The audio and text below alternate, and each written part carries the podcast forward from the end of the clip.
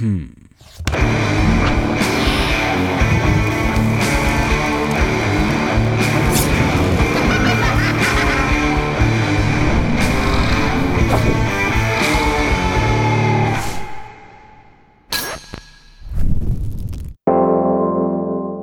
A1 Srbija je sponsor našeg podcasta na audio platformama, čime su se pokazali kao progresivna kompanija kada je reč o prepoznavanju značaja ovog formata, pružajući podršku podcast ekosistemu i daljem razvoju Agelast podcasta. Važno je da se razume da su podcasti nastali kao audio format i da je ovu sferu razvila i učinila mogućom sve popularnija kultura slušanja. Bez audio formata nema podcasta. Legend Worldwide je domaći modni brend prepoznatljiv po džinsu i stilu, fokusiranom na stvaranje smirenog dizajna sa prizvukom modernog nasuprot bezuslovnom praćenju modnih trendova. E, ljudi, imamo nove partnere na audio platformama, to je Zla Zla. U pitanju je brend koji verovatno već znate, a koji već 20 godina pruža podršku svim zaljubljenicima u kanabis kulturu. Imaju najveći i najopremljeniji CBD i head shop u ovom delu Evrope po imenu Zlaštek. Od nedavno, zla zla Lemon Haze CBD headove u teglicama možete kupiti na svim boljim kioscima u Srbiji. Iskoristite promo kod ZLAGELAST za 15% popusta na artikle iz asortimana zla zla CBD Lemon Haze i CBD ulje. E, sada je vreme da najavim svog gosta danas. Naš današnji gost a, je čovek koji je, njegovo ime je Mansur Adaifi napisao je knjigu koja nosi naziv Don't Forget Us Here i ovo je knjiga, ta knjiga je povod zašto se on ovde nalazi. Ovo je vrlo ekskluzivan intervju zato što spletom okolnosti, to je silom prilika, on živi zapravo u Beogradu i u Srbiji od 2016. to je 2017. godine. A, rođen je i odrastao u Jemenu, a, u porodici sa mnogo članova i sa 17-18 godina je u Afganistanu dok je bio na, na, na, dok je kao student bio tamo, uhvati, uhvati, kidnapovali su ga zapravo, um, uh, kidnapovan je u Afganistanu i potom je prodat uh, početkom 2000, dakle, 2001. 2002. godine prodat je um, Ameri, američkim uh, specijalnim jedinicama i odveden je u Guantanamo. U Guantanamo je proveo 14 godina bez ikakve optužnice, od čega je veći deo tog uh, vremena proveo u um, u izolaciji, a, bio je mučen svaki dan, a, na, prisilno hranjen i tako dalje. Priča o Guantanamu su priče koje vjerojatno a, mnogi od vas veoma dobro znaju a, i ovo je jedno svedočanstvo života u jednom od najozlaglašenijih mesta na svetu a, gde je veliki broj a, zatvorenika, nažalost, nepravedno tamo i bez ikakve optužnice ikada. A, ovo je njegova ispovest, njegova priča koju možete saznati, kao što sam rekao, u ovoj knjizi i koja je samo jedan deo svega onoga što se dešavalo u ozlogašanom Guantanamu. Moj sledeći gost, Mansur Adaifi. Uživajte. We have officially started recording now. okay. So beware what you say. Okay. What you say. uh, so you were telling me about the Yemeni coffee. First of all, let us let us be like more uh, traditional. Okay. السلام عليكم ورحمة الله وبركاته يا هلا ومرحبا ارحبوا حياكم الله أهلا وسهلا أهلا وسهلا حياكم الله ارحب ارحب يا هلا ومرحبا Uh, Basically, s- the- meaning Uh, this is the Yemeni tradition. Uh, Yemeni tradition. Uh, tribal tradition. Uh, Okay. Greetings. Okay. Assalamu alaikum wa rahmatullah. Like, peace be upon you. okay. And then there's like a kind of words like feels you that you more welcome when you hear it. Like welcome, ahlan wa sahlan, hayyakum Allah, arhibu. Like, and you have to come that way, arhibu. Like means Okay. ahlan, like welcome. Welcome. Okay. So, okay. so you have to be loud. Yeah, I w- especially like when they're like in Yemen when you get a guest, Mm-hmm. especially like uh, tribal, they would come and uh, receive you with the song, Mm-hmm. also shooting in the air, and it's like f- feel like celebra- celebration basically. Okay. And Yemenis, as I can say, we are one of the most uh, hospitable nations Okay. through yeah. history, basically. Like, yeah. And my tribe called Bani Abu Daif means the father of the guest. Okay. That's the name of your tribe. Yes, The like father of no, the guest. Yes, basically because we, when people travel, they would rest in our area and like for a day, and then they will continue. So when they when they rest, they will be given like a place to sleep and food and everything free. So they call it like Bani Abu Daif. Okay. Okay. So nice. uh, I'm Mansoor Adayfi from Yemen, uh, former Guantanamo prisoner ISN 441, You can call me Smile Troublemaker yes. or 441. Yeah. So basically, we I think we uh, officially uh, introduce ourselves. Yes. Okay. Thank you. Uh, first of all, you were, you were te- telling me something about the coffee. Uh, yeah, yep. Yeah. basically, when, you say, when you say macchiato, or when you say mocha coffee, uh, it's, it's what it's ori- originates from Yemen. basically Yemen, Yemeni coffee, one of the most expensive and best coffee in the world. I had no idea- I had no idea. Yeah, you, you, you, should, you should do something about research about it. Yeah. And um, when you say macchiato or like mocha, Uh-huh. actually, that when like uh, when Yemeni exporting used to export uh, coffee, we have a port called Al Maha. Okay. Al Maha port. Al Maha port, yeah. So they can like mocha, then macchiato. It's like it because oh, the, because of the name of the port. because the name of the port. uh, Ah, we like, okay, like okay. exporting uh, uh, coffee to Europe and to many different Mm, countries. I had no idea. yeah. Now it is really hard to find a Yemeni coffee because even Yemenis cannot afford to buy it. Mm. It's like it's a gold. Because Yeah. I remember uh, in Guantanamo, my mother once sent me a Yemeni coffee from from our from our uh, uh, area. Mhm. So we have small farms too. So when I when I prepared the microwave, Mhm. the, sm- the smell spread all the camp. So one of the camp officers, a female, she come running. She's like, I smell coffee. This is the first time I ever smell coffee like that. I said, yeah, this is Yemeni coffee. So like I gave her uh, a cup. Yeah. She drinks like, oh, this is the first time I feel like really drink coffee. So whenever she worked in the couch in the camp, I would just prefer uh, pre- uh, prepare a cup of coffee for her. Okay. And uh, and uh, how you call that? Uh, yeah, this is imama. This also a Yemeni tradition, uh, imama like it's Yemeni how we run it that way. Uh, yeah, it yeah. came with the with our tradition. Yeah, so- but, but for the people who are watching, uh, you have just put it on your head. You you, you haven't been actually walking around with no, it. no, no. like I, I did it a few times here in Serbia, basically on the bus. When sometimes when I go for uh, Friday prayers, Mm-hmm. and like uh, people look at me in the bus and people will stay away from me. because a guy holding like carrying a, a backpack and like an imam like and I said okay I'm not gonna wear it anymore and Oh, people okay. like I feel people feel offended and I don't want people I don't want people to feel uncomfortable Yeah, stere- stereotypes are very strong. Yeah. all, all around the world, not just here. yeah, yeah. So basically, like I worked intentionally, like because I'm from Yemen, and this is our tradition. Basically, Yes. like uh, it's part of, uh, of our culture, tradition, and Mm. everything. So, so uh, basically, uh, let's do just a small introduction before we jump into the story. Okay. Um, the reason why you're here, it's because of this book uh, you wrote uh, called "Don't Forget Us Here." I've been reading this book the last couple of days, and it's an amazing read. Thank you. Amazing read. Um, I haven't finished it yet, uh, but I've been more than uh, uh, past uh, the half of the book, and uh, and it's really uh, unique and one of a kind uh, experience. Basically, you were born and raised in Yemen. Uh, you went for uh, uh, for research studies in Afghanistan, and you were kidnapped by warlords there. And then you've been sold to CIA and been imprisoned in Guantanamo for 14 years without any charge. And we're gonna go through that story now. But before we start, um, I would I would like to know uh, who's uh, Mansoor Adayfi and you know uh, how was growing up in Yemen was like because the first part of the book is very interesting also uh, to to have the perspective of who you actually are.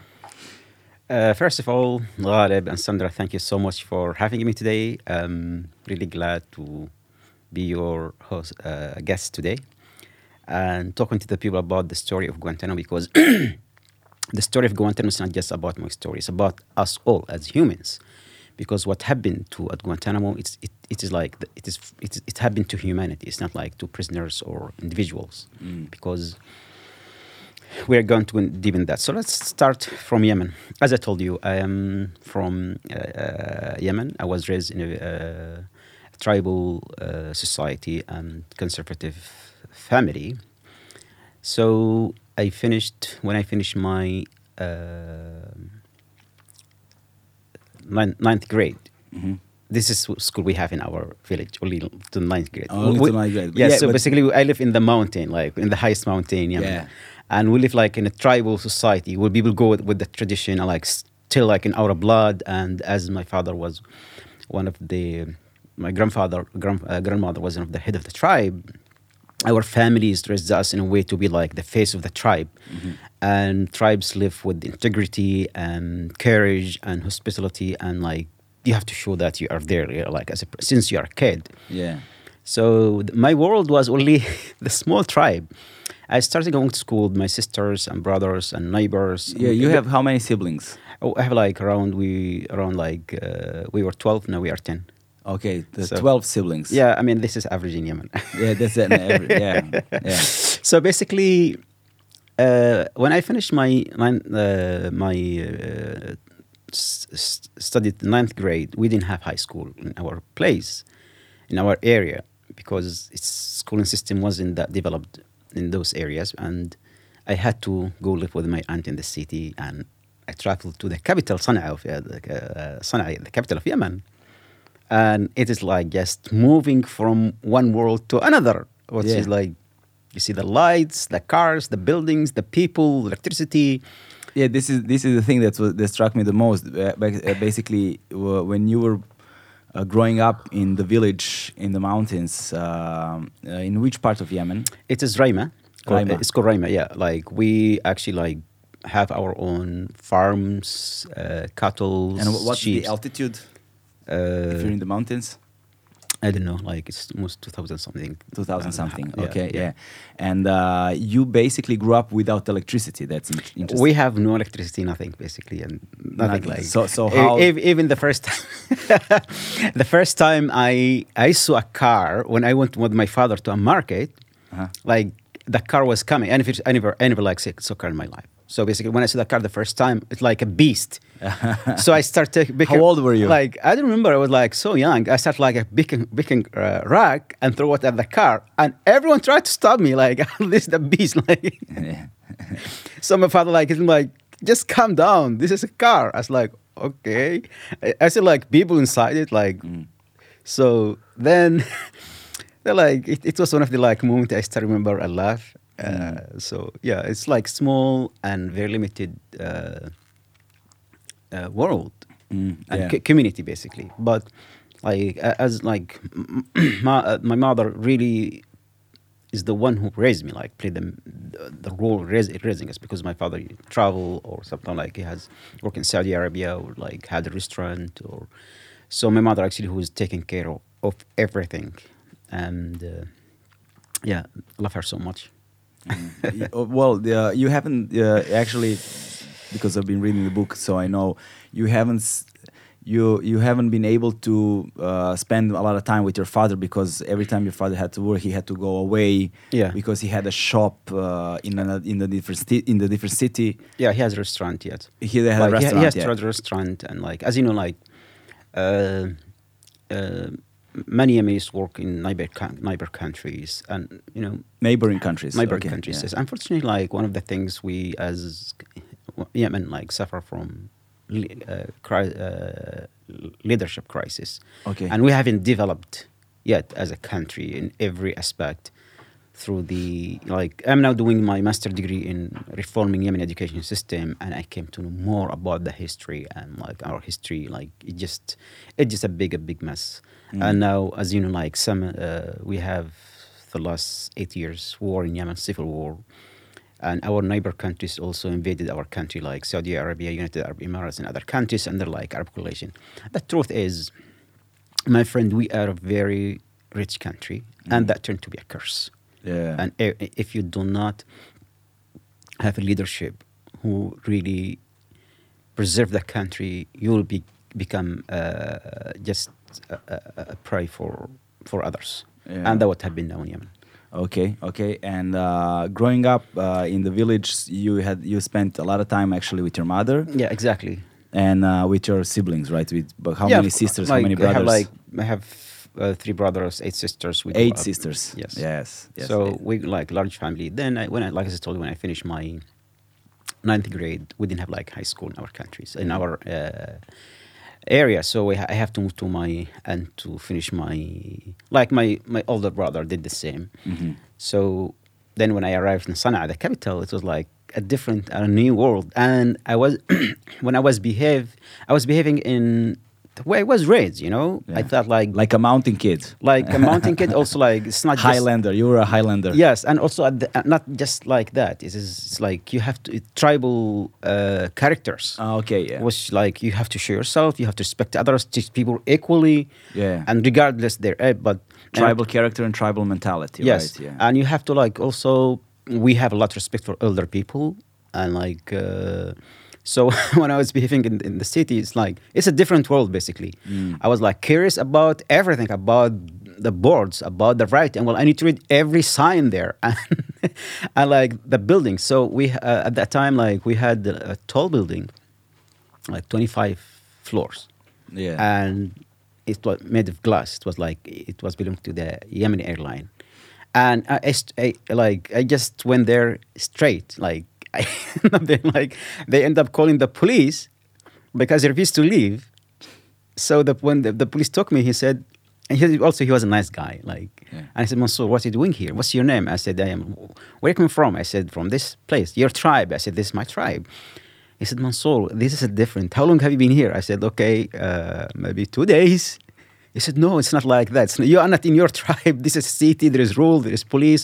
And the first time I kept to know like something called police. Uh-huh. Oh, Okay. you never heard of police before? No, we didn't have Oh. like we tribal society. We have like the head of the tribe, and they manage everything. If there's like problems, It's, it's a completely different uh, world. I told you, completely different world. And sometimes when you like this dispute, uh, different uh, shiuch or the head of tr- uh, tribes would come and like with the set and like you can see people talk how they solve the problems and, and, and like in very, very like in a uh, an old-fashioned way. Uh-huh. Okay. Okay. So like I can see people in uniform. Okay, this is something new. He said, like, "This is city." He was a very polite guy. He also like he also like me. Like all Yemenis, almost like each of us have like their own tribe, like Yeah. belong to a tribe. So then I when I finished, I finished my high school there, and uh, during that time, uh, I worked. I I- started like also tried to work. I helped my uncle with. Sometime he had like small uh, shop selling uh, grocery basically. okay. Okay. Grocery shop. Grocery shop. Was yeah. like when people come to buy something like. Uh, wh- when people like, especially when they come to buy bread, I would give them extra. Like, it doesn't work that way, my son. I said, well, people like, especially vegetables.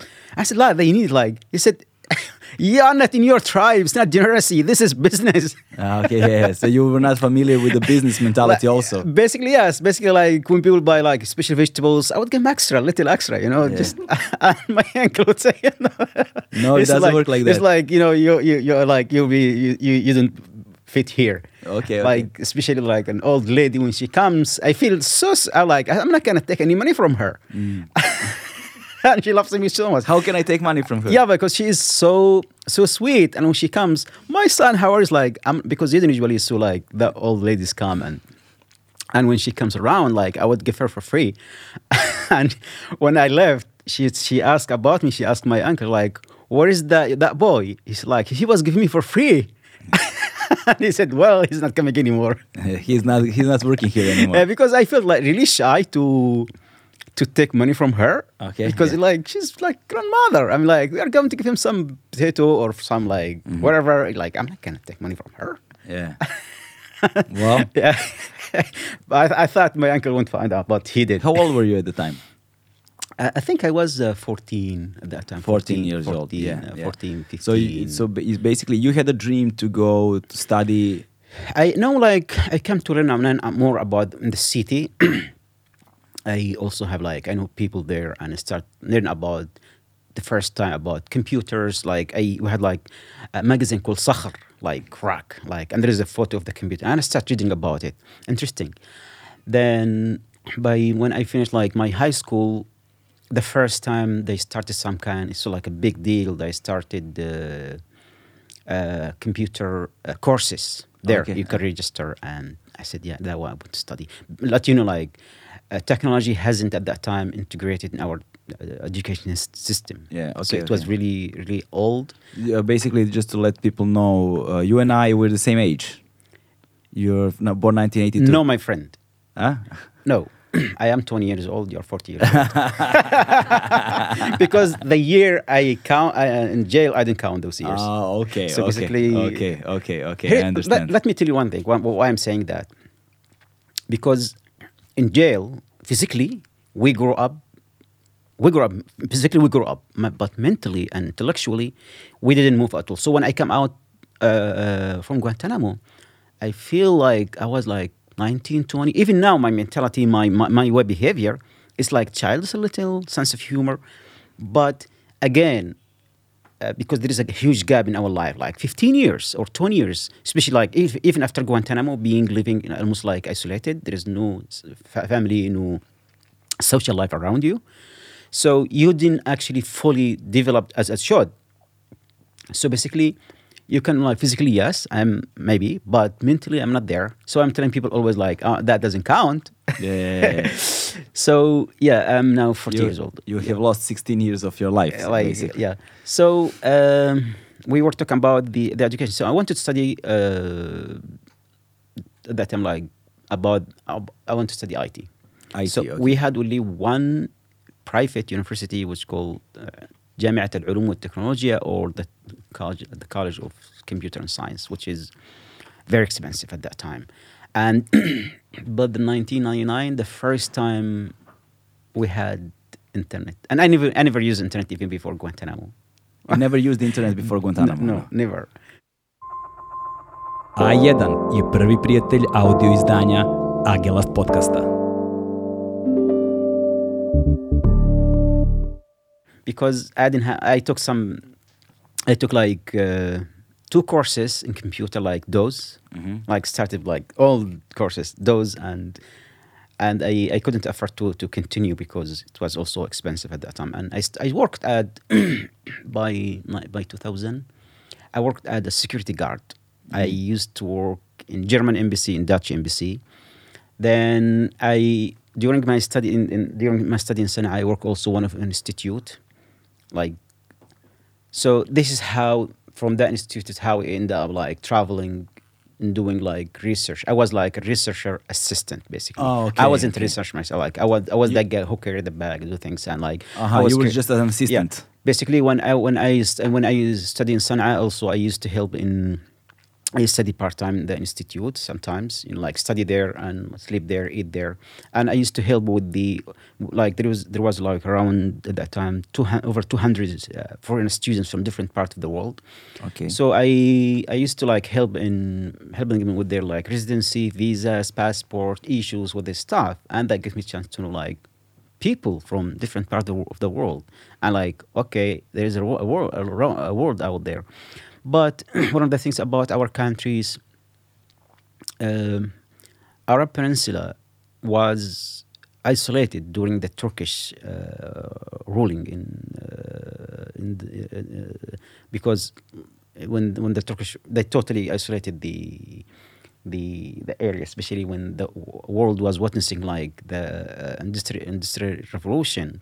The the countries hasn't actually included. Ah, that. okay. So during the during the Turkish rule, Yeah. uh, they isolated the Arabian Pen- Peninsula. So when Industrial Revolution came, you haven't been the part of it. Yes, basically. So the Industrial Revolution haven't hasn't come to that part of the world yet. yeah until Okay. like if, if the mentality continued that way then like especially yemen Okay. the, like when yemen uh, after after the because we were also under the uthmani uh, rule so after uh, world war, war uh, the world war, war world war one yemen became like independent Mm-hmm. but at the same time we went to into, into like a monarchy system was totally ignorant intentionally was education was forbidden only for the elites of the people Okay. So you went from World War One from independence straight to monarchy. yeah also uh, Okay. the monarchy was also curse which is um, until the 1962 we had a revolution. So then after that because as a tribal society it's really hard to unite those tribes and to, to control them because there was like president uh, uh, elections or get the first one get uh, killed then the second one gets assassinated the other one. Then in the 19 i think uh, we had the first the schooling system in our countries, the first college and education system started in the 1970s. Oh, The okay. even the first first school school system. system. yeah and it was before but like the people some people tried before to to have it but they were in prison and some of them killed by the monarchy then the first university was built in Yemen in 1970 it called uh, Sana'a University it was a donation from Kuwait uh, I think in, nine, in 1970s we had the first the first president who ran Yemen from until like 2011 and he was also just another tyrant. Mm. because also the, the mentality of, of the ruler you know like they don't have any kind of mission or vision. Their main focus how to control the people and they view the people uh, as the enemy. Like so that contributed to the there wasn't really much development in in in, in, in, in any way. And let you know yemen one of the a country one of the richest country in the world no exaggeration. We had the coastline 2000 kilometer. We had like the red sea and the Ar- the, the, the, the arab sea. And we had reports that we had 9 billion oil uh, barrel.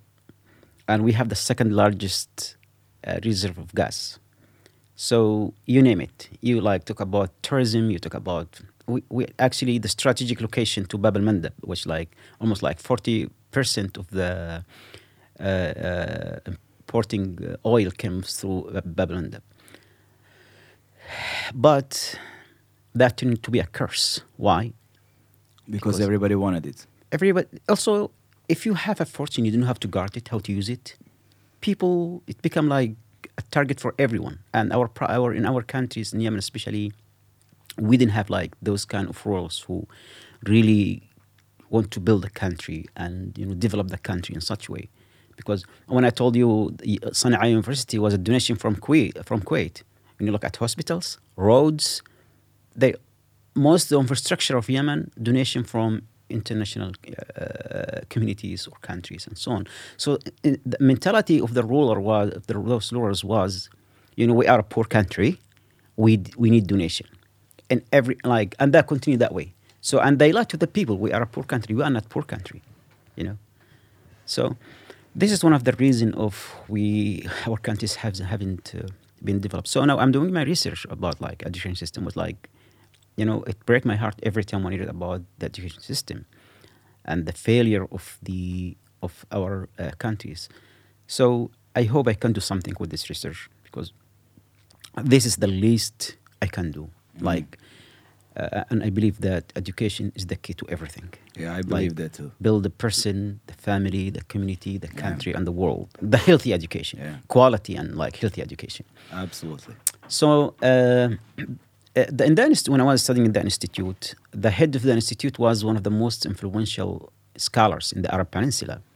So, and if you go back to the 19 uh, to the late 1990s, there was a rise of, uh, especially in Arab Peninsula, like Al Qaeda, in uh, in the media, because even at that time there was like uh, a vacuum in in the in the media. There is like no much of event there.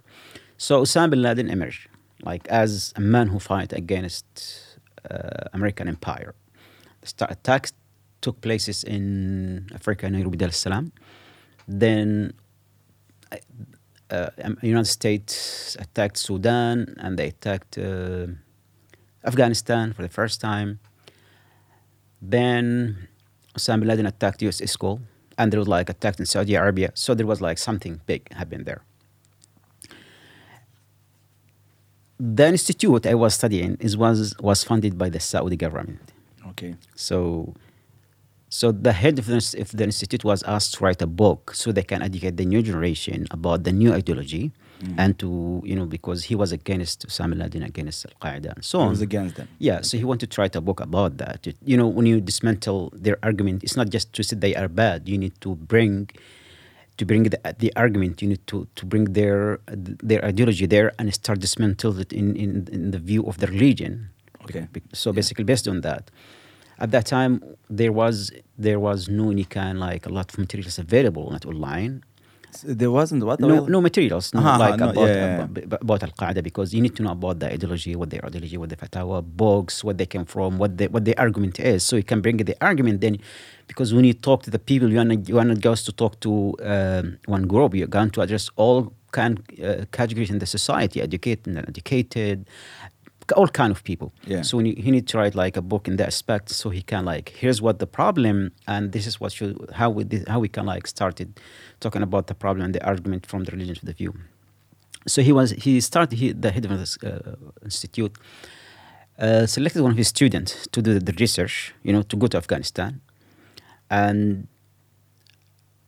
started like he would meet with people there and do the research, go to, to their schools to interview them, to get materials, books, cassettes. There was no CDs or stuff like that. At that time, there was no internet, no Google, no Google, nothing.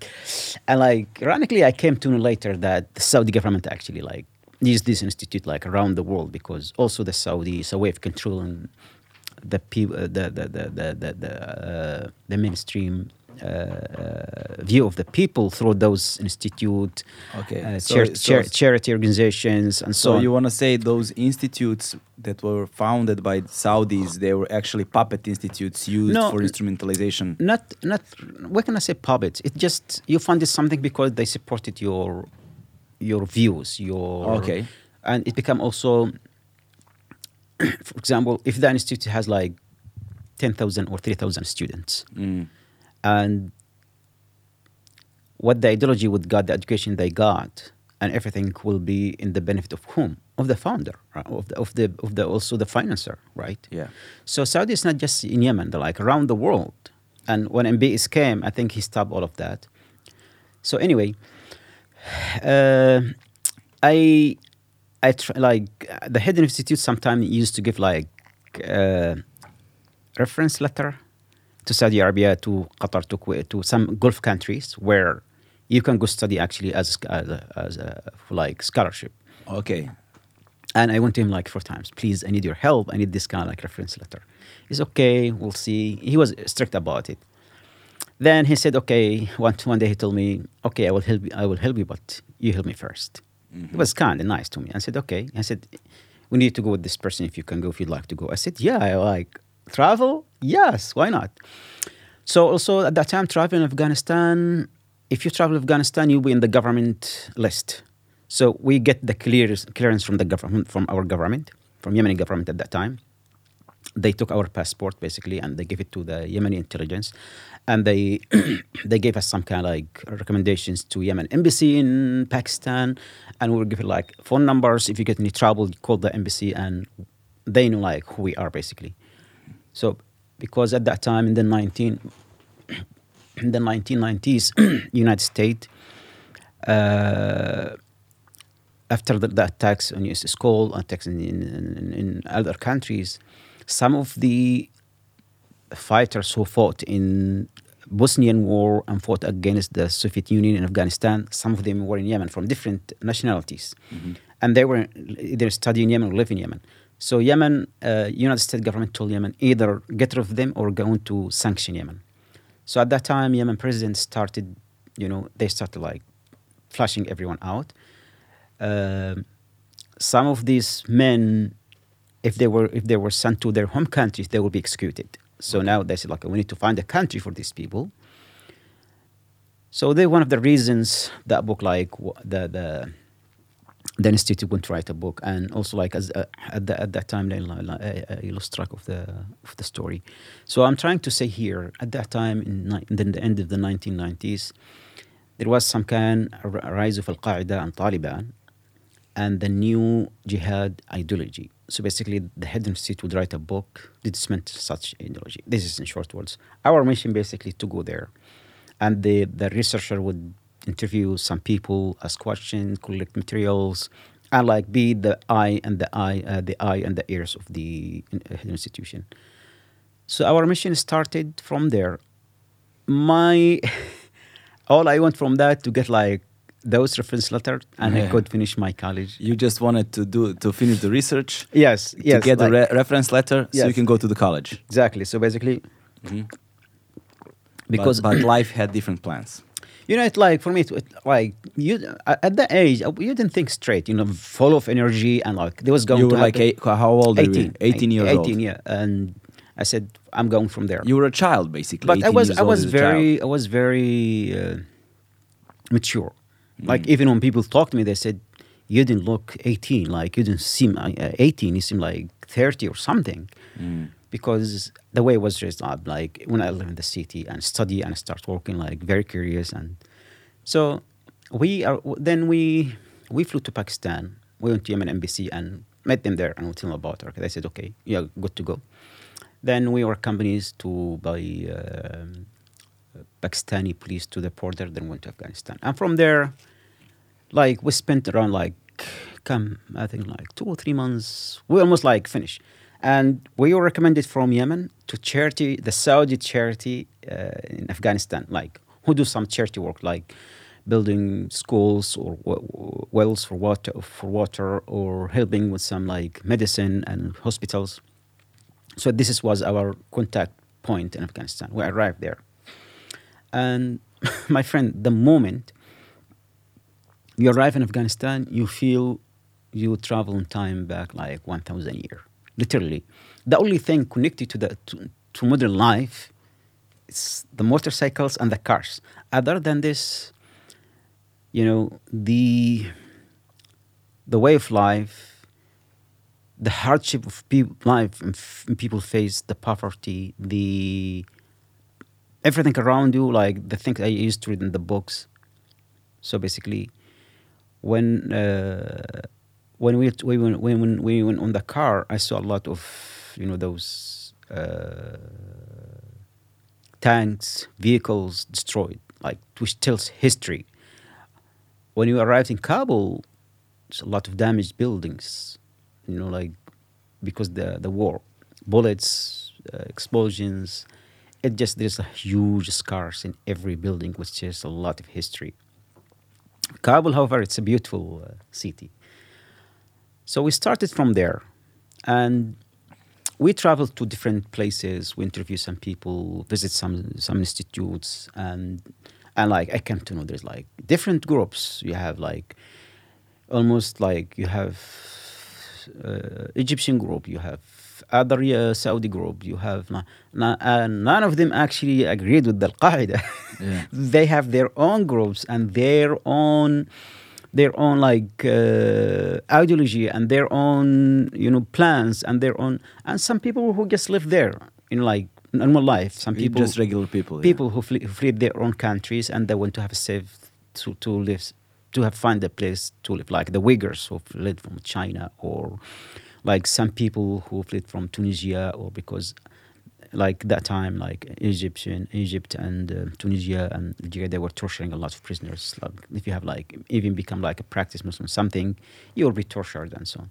So inter- we met a lot of people and it was interesting. Time passed by and one day we were in a How, how long you were there?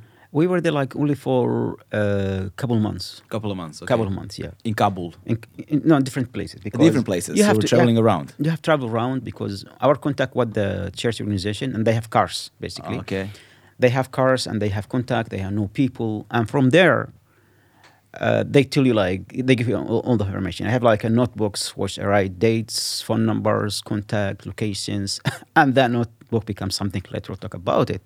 Mm. So uh, one day we were we were in like small restaurant eating uh, breakfast, and actually we were planning just we almost like planned to go back. And the researcher he said we need to call the the head institute because there is like some development in the you need to do some some other stuff.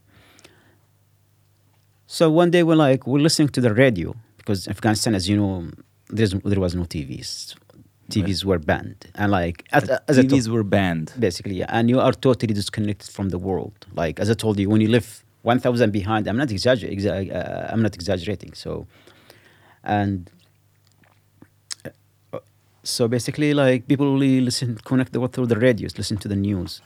So the and we heard in the news that there was like attack on americans with the airplanes. Honestly we didn't give it much attention. Like there is no connection there is nothing you can you can say yeah or track you or whatever. It just so we didn't give it a thought.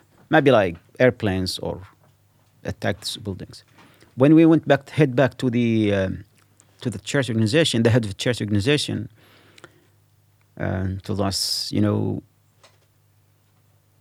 there is some major attack on the United States and then accusing uh, Al Qaeda. He said, we are waiting now for instruction from Saudi Arabia. Two days we are waiting for instructions. yeah, Okay, yeah. okay. And you know, then he got instruction like liquid everything and leave immediately. So I came to know late years years later that charity was actually just Saudi intelligence Ah, base. okay, Like, okay. yeah, but uh, honestly at that time I didn't know. I came like maybe You were too young to know. no, I wasn't like, you know, because you didn't have the knowledge, you know.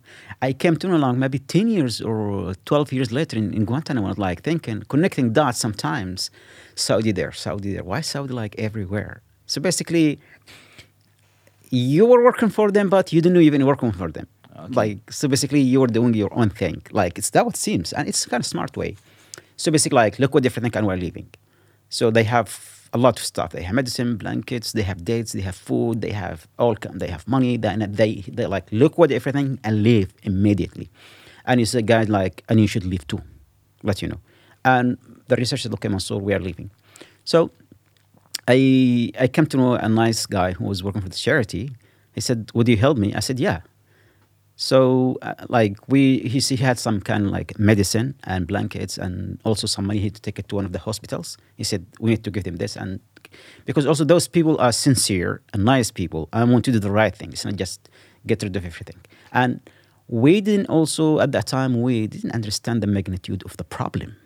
You know the guys like it's a big huge problem, but I saw the TV. I never watch it. We just heard about it and we get like something is big. That's it. What's going to happen? Uh, we didn't. Uh, we never expected Americans going to invade Afghanistan. Even it didn't come. It didn't cross our mind at all. So on our way to, to one of the hospitals in the north of Afghanistan, that we should like deliver this kind of uh, uh, the stuff from the charity organization, medicine, and other stuff, and so on. We were ambushed on the way. You were ambushed on the way. Yeah, the, the car, like the guy was driving the car, and like we thought they were Taliban, like people on cars, machine guns, and there's like we we the the charity the the the charity organization the the car that belonged to the charity organization was like a beautiful new Toyota car, blue. So when they came, we thought they were Taliban, and they get to search and so on. They said, okay. They said salam salam, and they said get out. We came out of the car, and by the way, honestly, what I felt, they're not good people because the way they're looking at us, the way they were, I didn't, I didn't, I didn't understand the language, but I can tell something is wrong. And I told him, I said, no, no, no, don't worry. They, They, just were speaking Pashto. yeah. Uh, he said, no, no, don't worry. They just, you know, they just do, they always do this. They, they make sure we didn't have any weapon and so on, and they will let us know. And they were talking through the radios. Like they have like, Motorola's. Motorola's records, yes, basically how we communicate. They communicate. And the church organization, they have also radio, big radio there, how they communicate. And one of them went to grab my uh, backpack. So, so I, I fought with them. I'm not going to give it to you. Then they said, "Yeah, guys, you, the war, this guy is like the head of them. He's the warlord." He said, "You guys coming with me, my guests." And told like we need to go. He said, "No, I insist." Blah blah blah, and so on. Thought like they're they were Taliban, but at that time, American start their um, American intelligence started talking, people started shift, uh, shifting uh, loyalties. It's like the more you pay, people will follow you. Basically, those people like mercenaries from within the country. Okay. So we went to his home, like as guests. They took the car, and they told us like you cannot leave. And my friend told me just calm down. He called the the head of the church organization. He told me like, okay, don't worry, just come back. So we've spent like two weeks. Then another warlord came and took us. Now like someone who's above this guy and he started negotiating with the the church organization about ransom. Okay. Now we now we are kidnapped. So we, while I was there, with, with charity organization. the head of the church organization. Okay. So So, they were, okay. So they took you for ransom. so basically they want money. They took the car. They took everything, and they said, "Now, if you want to release them, we need money." and we're going to send them to Iran, and we get like around 100, uh, like around 30, 40,000 dollars for both of us. And they said, okay, just guys, calm down. We are going. No, it's not a big issue. For we can, they, they would they would pay it. So at that time, one day, uh, we were like treated nicely, and we were just not even prisoners. We're like as guests there, and I used to teach the kids math, Arabic, help them with their schools. And one day they they told us, you, you guys, uh, one of the guards, he said, Americans are here and going to take you. What? The- He told us like American are here and they're going to take you. Americans are Americans, yeah. And like, why won't he, why American even here? Like I was um, like I couldn't like comprehend why why American even were, wa- was there. My friend always like optimistic. He said, no, no, no. Even if American here, they know we have nothing to do with Al Qaeda or Taliban war. Like they know who we are, and don't worry. Are well, you sure? Yeah, well, that big attack that happened Yes. it turns out to be September 11, right? Yes, exactly. So, but for us, like as I told you, we never, I, I never followed the news or TV. There's You had no idea no, the no, magnitude of the event. nothing, because you totally disconnected from the world, and you didn't have any TV or newspaper or anything. And in the country itself, you know, it's, for example, the in every country, the the, the, the, government controls the media, right? And media control the mm, what's also through the media and whatsoever. It shapes people's minds, uh, way of thinking, and everything, opinions. So, if you don't listen to that, you have no idea what's going on. And my friend told me, okay, don't worry, everything will be fine. American, they know like we have nothing, and, and so because he was talking also to the uh, to the uh, to the charity, the head of charity organizations through the radios because they but the, the Afghanis were getting interested in, in money, honestly. And the moment American came,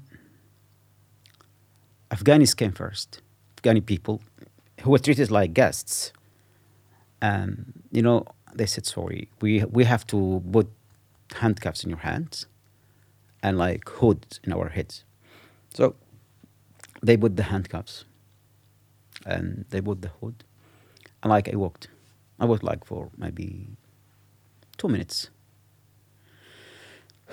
and I could hear the the helicopter. This is not good.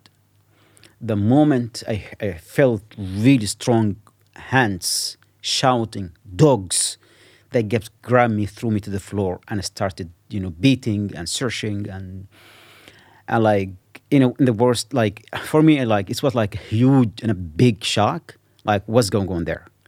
So people shouting in English, dogs, you know, uh, Barking. barking really loud, and you could see hitting with guns, like rifles. And immediately they start searching and cutting my clothes, like totally naked, just hooded. CBD е, поред THC-а, најистраженiji канабиноид из света индустријске коноплје, само што он нема психоактивно дејство. Многе студије потврđuju његове позитивне ефекте и помош при проблему со спавањем. CBD не успављује нити омамљује, али е сан čvršći и квалитетни. Тако reći, будимо се одморнији.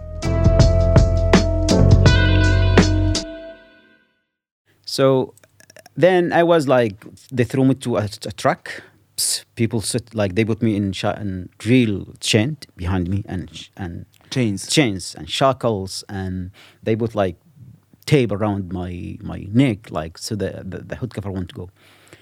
And they were like cursing, beating, shouting, and like, okay, I said like this is what I'm going going to die. Like what's going on here? And I I, I start resisting too because I'm kind of like stubborn guy. Like you cannot do, do time this to me, this to me, because especially I strip naked and such stretching my genitals that way. And the more I resisted, the more I got beating. We were taken to a truck, to a helicopter, naked all the way, Naked all the way. all the way. It was it was like almost uh, it was winter time, yeah, too cold. Then we were taken to another. After that, we waited in a truck again for I don't know for how many hours. Cold, really, I was like shaking of like shivering cold all the time, and the beating never stopped. I was bleeding basically. From that, I was taken to uh, airplane, an airplane, and from airplane, uh, float for like flew for a couple of hours, or three hours maximum. Then I was just dark and dark. I was thrown to a place, cell or wherever, underground, hooded, and I was hung immediately. Then, a few hours later, I think the I was taken to a room, totally naked, cold, and I could see people, you know, again, uh, dogs like, you know, barking very loud. I was, they uh, they they made me sit on the floor, like totally in chains and shackles. So I was like, what's going on here? And like, everything had been so fast. Even like your your mind, your brain cannot process what's going on there. Why am I getting beating? What? Why is it happening to me? I need to like, I need some explanation. So, unfortunately, I wasn't familiar with the American movies too. so, you wasn't familiar with American movies either, yeah. Yes, basically. So, then somehow, like someone just like forcibly removed the the hood of my head. After how many hours? Uh, after like uh, I could say it was I think the second it was like all night. It's like afternoon all night flowing like yeah that's in the second day. So practically you were like yes 12 14 hours no, no sleep nothing no eat no drink nothing. It just cold naked like that. I was bleeding too. So the first when they removed the hood the hood of my head I was like when the my first the first thing I saw I saw like just a row of people in front of me, like wearing uh, scarf like this. Okay. With the hats because it was winter, and in uniform, American flag, and each of them have their uh, M16 rifles, Ah, okay. laser, literally two like I think six or seven of them. Each of them like their uh, their uh, laser, my head, all of them like my head, my chest, and there was like chain that big from my, my, my hand to the to under their feet, and there was like two dogs barking, like really the uh, the German uh, Shepherd dogs. Okay. It's like okay, what's going on here? So I look at them, and I I literally smiled, you know, like I look. It just I don't know why I smiled. I don't know why. It just like I was like surprised to see what's going on there.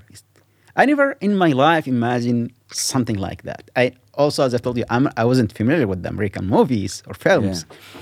So I just looked at them and I smiled.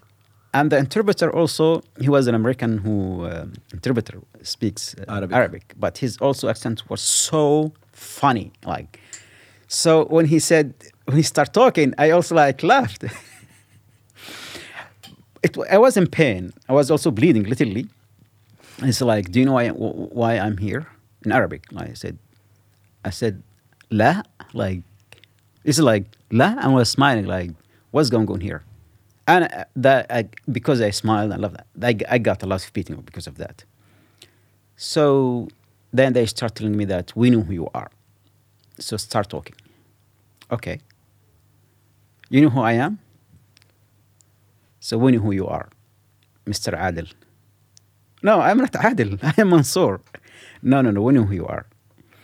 The, inter- the interrogations over almost like three months in the black site started. Well, uh, we have to we have to make a pause here uh, because first you need to explain what black sites are. The black sites basically those American the CIA created these black sites where they kidnap people from different parts of the world and they brought these people torture them in the worst way if you're familiar with the enhanced interrogation technique. So even before uh, Ghalib, before we talked about that we need to talk about how americans intelligence american government started this kind of after 9-11 what they call war and global war and terror when they give their, themselves a, power to, to run the police to run world as as the police. Mm. And as you know what after 9-11 when george w. Bush he said either with us or with the terrorist. There is no in between.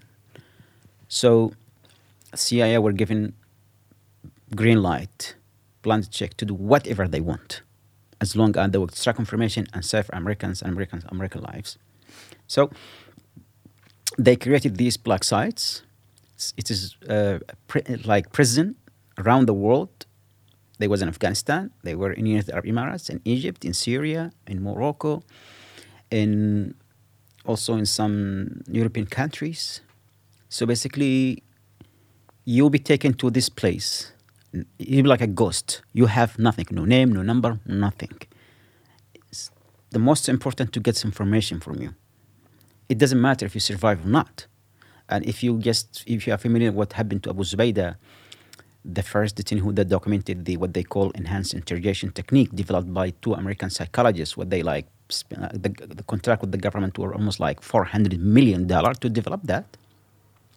They didn't call it torture, torture. What they did, they first constructed the language, and and it's really important. When you kidnap people, they didn't call it kidnap; they call it rendition. When the CIA was taking kidnapping people from different parts of the world, they call it rendition. They call it kidnapping.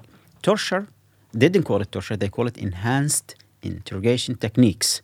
It's just enhanced interrogation techniques. So if you watch Abu Zubaydah and what happened, uh, if you also read the, the Senate torture report, see what happened. It's, it's even worse than torture. So also what they did to they didn't they didn't call those men who they are they arrested or they get bought. So we're going to talk about what kind of men in Guantanamo. They call them detainees, not prisoners, not not prisoner of war, war. Why? Because that you, you don't fit under Geneva Convention. So, so basically, these kind of black sites, you will be kidnapped, tortured, you might die. It doesn't matter. It, it, what matters that what keeps you alive is the value of information that you have. So I was tortured, tortured like non-stop. There's no sleep, hang all the time, naked.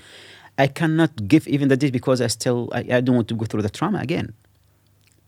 So basically, I was. They thought they told me I was an, a middle uh, age Egyptian who was involved in attack on Nairobi, Dar es Salaam, money laundering, recruiting.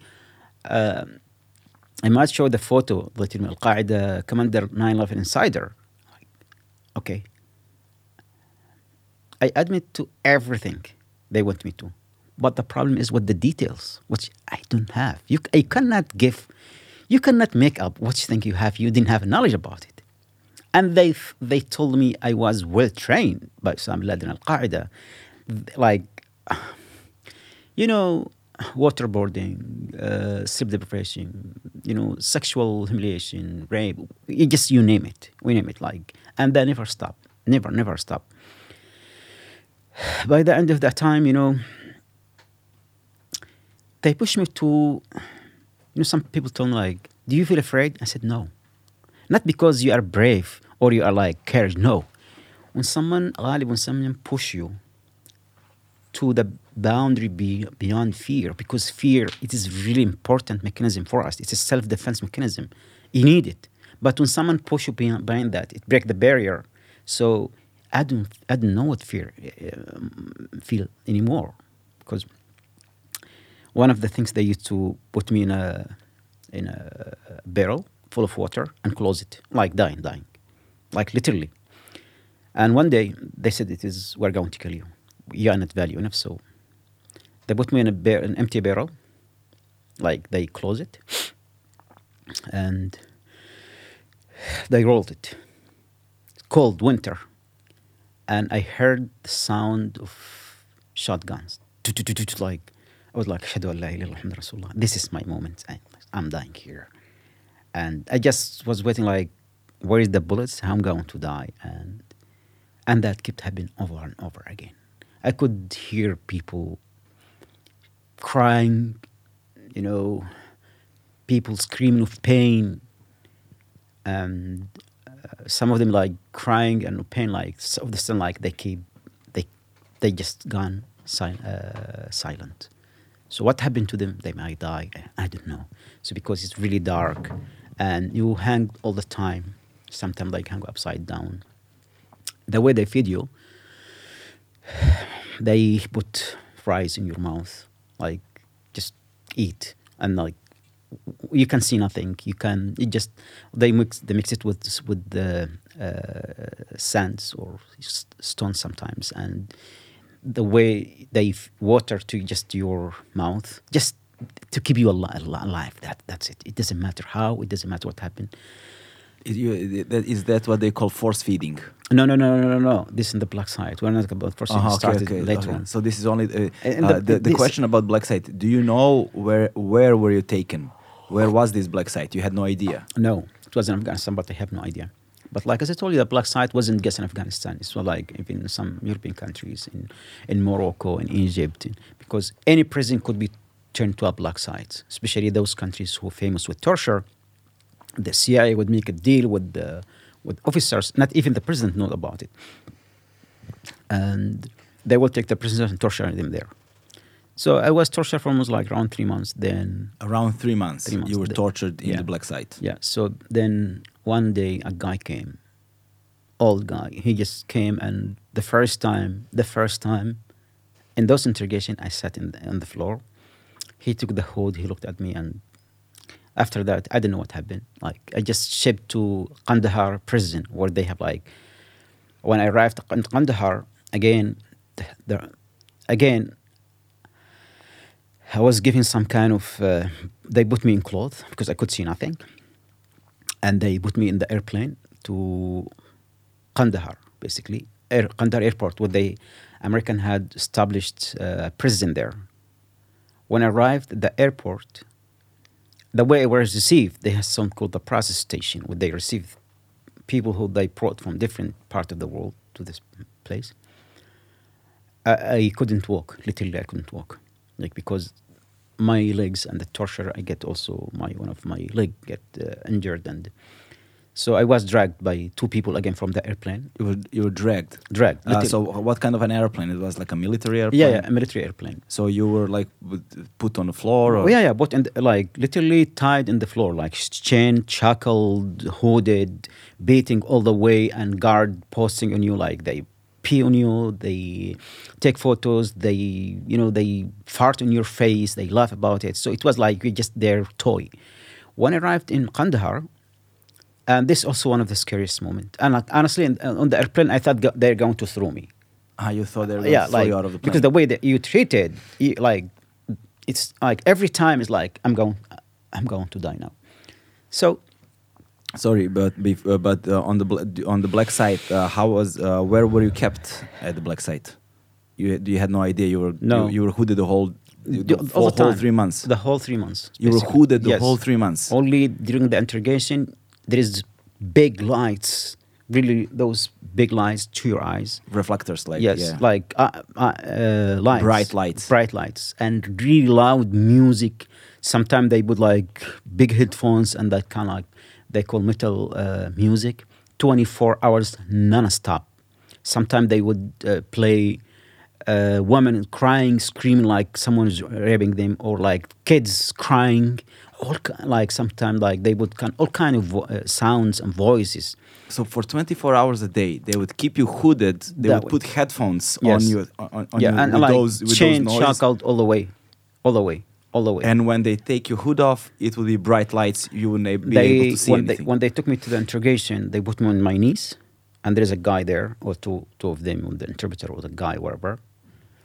And sometimes they sit behind you, and there's like two two guards who hold you, just hold your your face, so you look at the at, at the uh, this bright light, and the interrogation would st- uh, start, basically, and you cannot see even the face of your interrogators it just over and over question over and over again over and over again and you don't know what to expect like sometime during they would take you to outside like during uh, dark night again lights never stop inside your place hanged all the time chain and like How would you hang? Like Like to the ce- to the ceiling, To yeah. the ceiling. They would Yes. they will shackle your arms al- always and, your uh, arms and to the like, ceiling. they will turn you upside down and they would keep you upside down too. Okay. Also, oh it's my like it's kind of like they don't want to to die. You know, people who's really experienced they know what what what what they do. So it's just to, to keep you that way until like they break you until you break, and you, you mention like the cold, the the taser, the waterboarding, and and so on. So because they they were thinking I was like this Al Qaeda joint they have, and because Afghanis and Pakistanis sell, sell Arabs or Afghanis what they told them this is Al Qaeda commander, and the more they told them this Al Qaeda commander, the more they get paid. And let you know, when American uh, uh, invaded Afghanistan, airplanes were uh, through some kind of like leaflets offering large bounty. So imagine you get like you are going to get fifty thousand dollar or one hundred thousand dollar if you some if you uh, hand one of uh, Taliban or Al Qaeda or wherever. It's you know for you it's a big fortune and people become like business. So So they sold you as a Taliban. Al you know, no, as Al Qaeda commander. you, they sold you as an Al Qaeda commander. Uh, yes, so basically when when I was like this this uh, Abel you were about. like Adil you an Egyptian, talking yeah, an Egyptian guy. So basically, from there, the interrogation started, the journey, and so it's my case is just one of many cases. Sometimes, honestly, I feel I'm lucky because I survived. There is people that didn't even survive the black sites. You know, after after 9/11, I know it's a big uh, big tr- tragedy, and there is no justification whatsoever. But what American did, this they mi- American government, I mean not American people, what American government did, they misused and abused 9/11. So 9/11 was used for bigger agenda oh, Okay. literally. Yeah. So, if we go back before the invasion of Afghanistan, one year before, there was negotiation. The you know the companies or were owned by George W. Bush and Dick Cheney. They were negotiating with Taliban to build pipeline from uh, Central Asia to Indian Ocean. Why? Because to the sea for, because they uh, Afghanistan is the the gate to Central Asia, as you know, resources, energy, gas, and so on.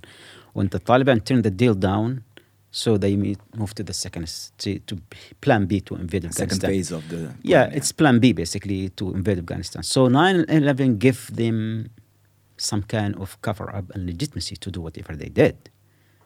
So we're going to talk later about this, but like as I told you, then my journey. I survived the black site, but I don't know if I survive. I don't know if I can so survive because, you know, you are not the same person. So, when I was taken to, when I arrived in Kandahar, two big guys carried me. I turned 19 in the black site. What? I turned black, uh, 19 in the black site. So Your, your birthday, your 19th birthday was at the black site. yeah. So from from there, when I arrived when I arrived in Kandahar, two big guys Mm. took me from the airplane and dragged me, and they threw me like this. And uh, again, they start doing like anal search, and they cut my clothes. And, Like they beat you, you get beaten all the way. So someone came and removed the hood of my head. What I saw, I like this is this is it. I saw soldiers, like circle it was it was like in the middle. They were wearing like white protective gears and masks, and there were the the, the protective uh, suits were like full of blood. Then behind them, I saw a pile of clothing, Afghani's clothing, and I said, "Blood, clothing, people, they kill people here." So I was again, It looked like a slaughterhouse. Yeah, uh, like because when you see people full of blood and these suits, and you see like pile of Were they, clothing, were they armed?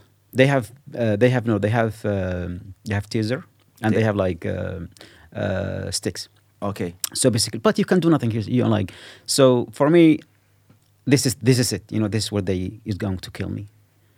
So someone came when he removed the, the the hood of my head. He wanted to take samples of my hair. And again, I'm not familiar. I wasn't familiar with the American movies and films. Yeah. So uh, and drama. He came. He took some of the heads, took like uh, slava and like uh, Saliva, Sla- yeah. so, sorry, saliva. Sorry, and uh, uh, this kind of stuff. You know, they, that they do. Then again, and there at this moment, they were interrogating me over again at this moment because it is a systematic way, the way they treat you. Like, they were asking me question, the same question.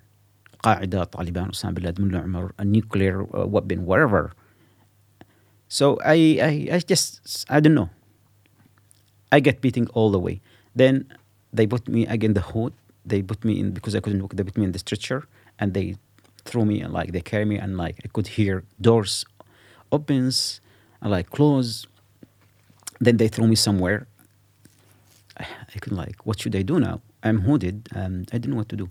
And I heard someone, But you would you weren't able to remove your hood. no, you're not allowed. So when they took me to the, to, after uh, last, when they threw me to that place, they removed shackles and they just dump me like trash there. So naked basically. And I was hooded like, what to expect, what to do now? So I heard someone call me. He said, hey, brother, Assalamu alaikum. Uh, remove your, your hood and wear your clothes. I said, okay, it's too cold, like the open air. So I remove the hair, the, like the, then they, I wear this kind of like uh, blue jumpsuit, Blue jumpsuit. blue jumpsuit. When I when I saw around me, I saw like uh, it's open air prison where there's like five tents surrounded with wall of barbed wires, like layer uh, one above others. This was in Kandahar airport, American base basically turned into American base, and this prison is was like open. There's no buildings, nothing. They just build a tent, and it's not covered. It's just like the structure of uh, skeleton of uh, build food, and they put like twenty or thirty prisoners in each one. So I was taken to one of them, and I'd see like a lot of lights, helicopters flying all night, towers with machine guns. And one of the funny things, they came to me. Uh, they they wanted me uh, before they moved me. They wanted me to sign a paper. They told me uh, with Arabic interpreter. He told me like, "You have to sign this." He read it for me. He said like, "We have a right to to kill you if you try to to to escape." I said, "I will never sign that. Of course, I will try to escape." I was like, still this kind of tribe mentality, like, and I got beating. Sign. I said, "I'm not signing." Simply, I won't sign that. And you know, it, it sounds funny. You can kill me at any moment. Why? Why you want me to sign? What ha- had happened to me is, is worse than, than than death. And they, one of them, like one of the officers, he just grabbed my hand and my head, like, and he, like that doesn't count. So this is one of the like the things I still love about it, and I'm proud about it about it because I never signed something because some others just signed. I said I want. So you are not allowed to talk. There is no sleep too. Guard shouting, yelling all night, and I kept in that place for I think three weeks. So when the air, when the small smaller plane came, arrive, came comes, it bring people, but we call the beast, the biggest one, like American uh, cargo, uh, airplane cargo, really big, so big. It's the first time to so, to see such uh, beast like this. When they when they first came, they took some of the prisoners and they just disappeared. We didn't know where they took them. So, uh, like, I think uh, the first group came. I was, I think, in the second or third, uh, third group to flew to be taken to Guantanamo. You were in the second or third, but you. Ha- but the very important thing is you had no idea you were taken to a Guantanamo. Actually, you had no idea. told you. had no idea that you were go- in Guantanamo for a long time. yes, for three months. Yeah, basically, yeah, basically, like one day I told you when this uh, airplane cargo comes, we knew some people go- going to disappear, and we had no idea where, and nobody could tell us. We, and also the, the treatment in Kandahar prison was really bad. Only once meal a day, really cold, humiliation, you know, uh, beating all the time. I mean, there there was no respect for your humanity or dignity or whatsoever. So, and even if they kill you, who cares? Like it, it just it's just chaos. So basically, when they came to take me to to again to, to my turn, they call my number. Uh, Your number was My number at Kandahar was four four uh, four two one. four two one. Yeah. Okay, So yeah. it's a different number than in Yeah, Guantanamo. b- Okay. in Guantanamo, like because they bring people from different part of the world. So they called me, and there was like special uh, team who takes you basically. And first of all, you will get beating really bad, so bad, and they will just drag you like a bag, no walking, just Drag you. drag you like so we were i was taken to something called the process station again. I like as i told you I, I wasn't familiar with the american they were organized. Americans when it comes to organization they were well organized. So i was taken to again a tent and standing they you know like uh,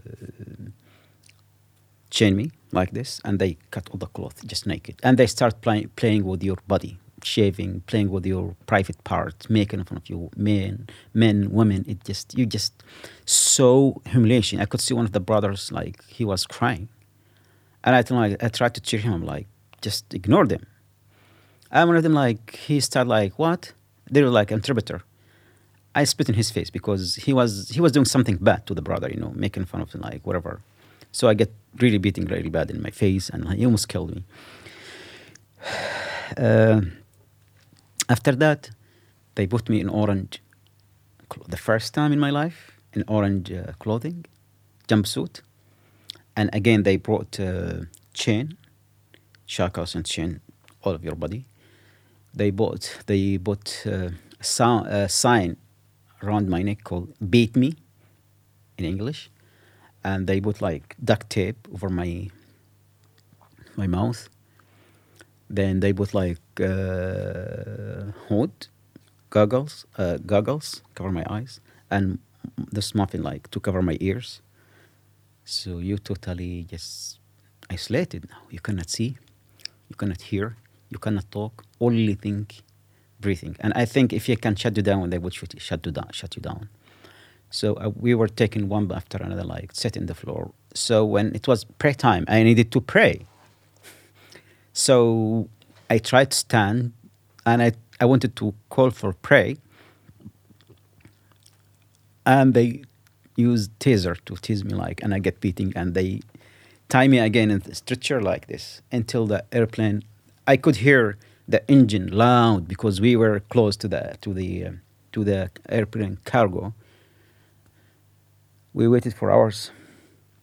Then they took us again, one by uh, by another. Like again, like the way they drag you is just humiliation, beating, and it's like you have you are not humans. You are, you have nothing. So I was taken. We were taken to uh, one after to the airplane, and we sit on the floor, chain shackled, and they tie our hands really tight, even like they cut the, the blood of our The blood flow. yeah blood flow in our uh, So your arm Hands. went numb.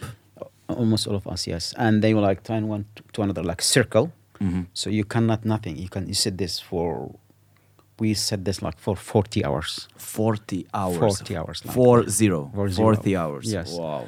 so we're in the plane? and the plane yeah uh, the first plane then the second plane it landed somewhere maybe in turkey maybe in poland somewhere You had no idea. no we had no idea so Sa tradicijom dugom skoro tri decenije, Legend Worldwide je prepoznatljiv domaći brend sa akcentom na jeans, pre svega, koji odlikuju bezvremenski, klasični modeli. So basically, we are we had no idea what's going on there. Like as I told you, everything was happening too fast, and your your brain cannot process what's going on. There is no explanation. There is no input. There is we didn't know. So it just in the airplane something happened on the airplane. I heard someone screaming in Arabic, "Brothers, pre- prepare yourself. They are going to throw throw uh, throw us from the airplane. They're going to throw me now." And like, okay. He was like, someone scream or someone who's not can make it, someone you can hear, he is dying. Like, so when we arrived in later on, I asked, we all ask who, who that voice was because he literally, this is was it. The voice, like he said, "I'm sorry, brothers," because he said I needed to use the toilet. I was like, I was like, toilet, toilet. They took him. So what they did, they took him, and they put, put like a, a shit for a bucket uh, for shit, and they, they, they turned on the big fan. Okay. So he thought they opened the gate, the, the gate of the airplane and began to throw him. Oh, ah, okay, okay. So, so that sound like in the on the airplane, all of us just were waiting when it go, your turn would come. Imagine like someone you hear someone screaming really loud, it's like it's a death screaming, and you're just now waiting when it's going to take your neighbor and we're going to take it because man, it's death. So this one of the like it's something scary, but it was funny later on we come to talk about it, like years later, like just something on the way.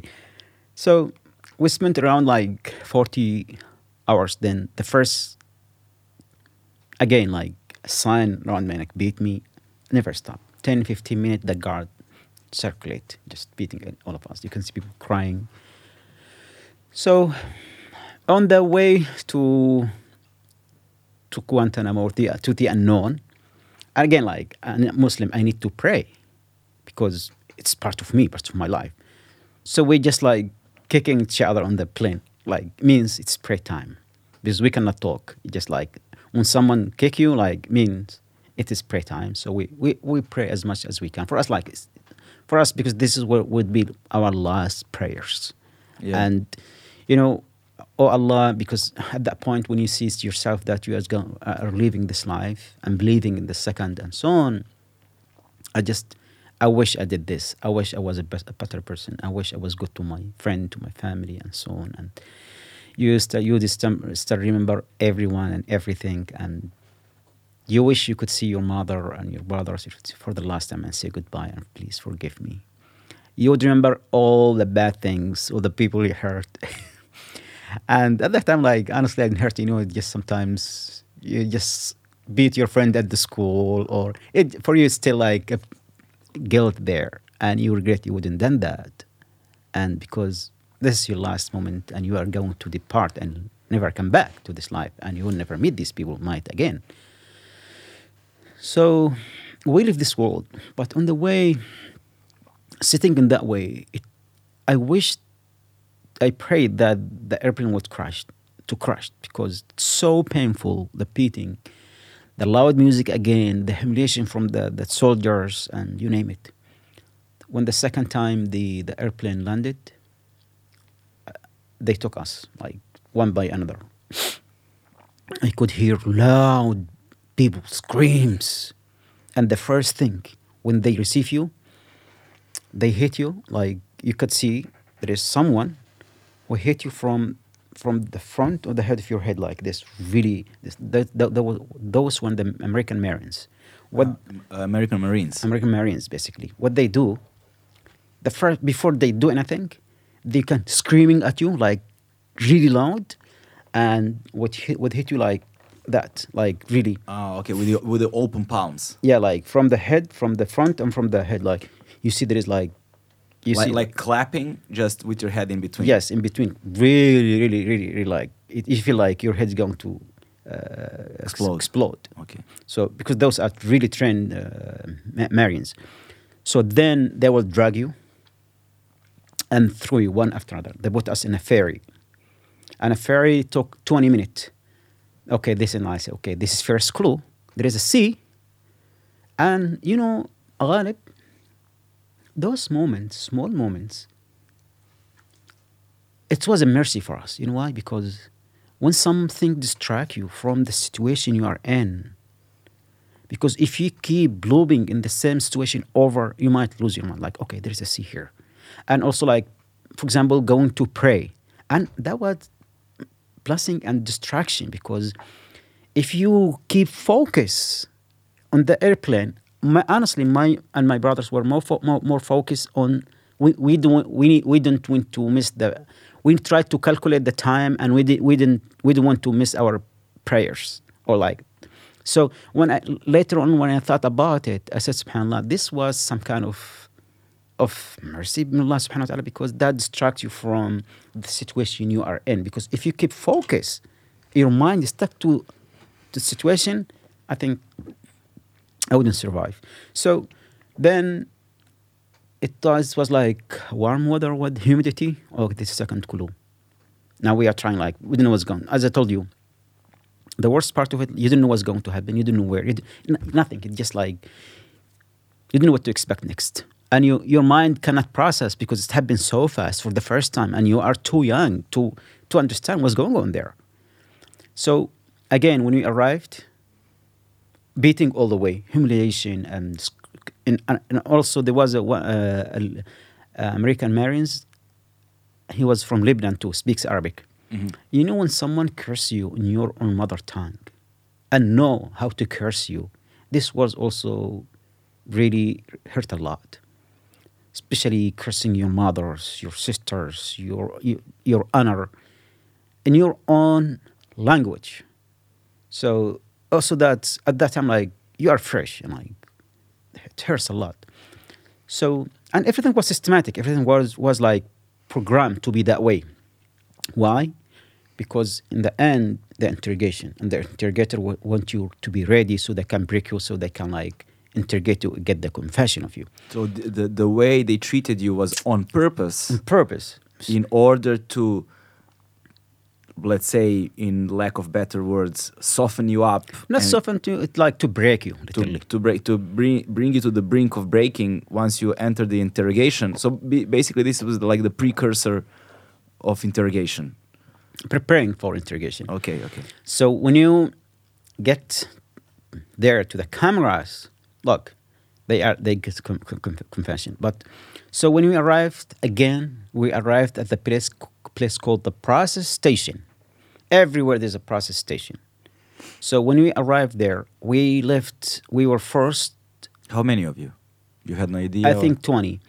So basically, we were forced to sit on our knee for hours, hours, hours, literally. You, they, they, they will never let you to sit down in, in your in your and the whole normal- time you were hooded you hooded, you know, blinded blind, everything like Yeah. chain. As the photo you saw that for hours and hours. Then they would take you one after another. You know, like again at that time, this is it. This is death. What that happened? What they what the, what, what what they did? They snatch you again. You know those guards with the later on like we come to see in the, the photos and just you didn't see nothing. You see like you feel these strong hands drag you yeah and they start scissors cutting your clothes, regardless if they can injure you. That they don't care. Then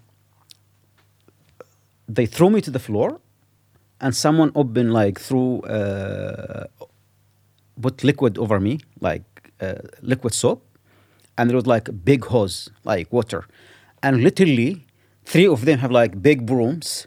You, you, you the one you used to clean the floor, and they were like scraping you scra- like scrubbing your body like that. And while you are hooded, everything like they cut everything except the the the the, the head the, the part of the head. After that, they took you naked. They move you somewhere, and they start like f- f- uh, fingerprint. Then would sit you in the chair. They took the hood just for a few seconds to take a snap of you, like guards hood you like this. And trust me, you don't want to see these photos. I will tell you why. So they put the hood again. Then they would drag you. They would they dragged me to my uh, to the cage, like camp, called Camp X-ray. okay See, the first camp at Guantanamo was built called Camp X-ray. So, hooded, naked, they drag you on the on the gravel. Mm-hmm. So open the cage and put me in the ground like there's guard or soldier sitting on my back, shouting, "Don't resist! Don't move! Don't don't." You are not in, in shape even to breathe. Still, they treat you like it's just a way to beat you over and to break you and to tame you. They know you can do nothing. They know like if if someone has a sense of humanity, they would even accept to look at us that way. So they put me in the, put me in the, in the cage. They remove the chain. They hit my head on the floor a few times. Then they remove everything and they remove the hood.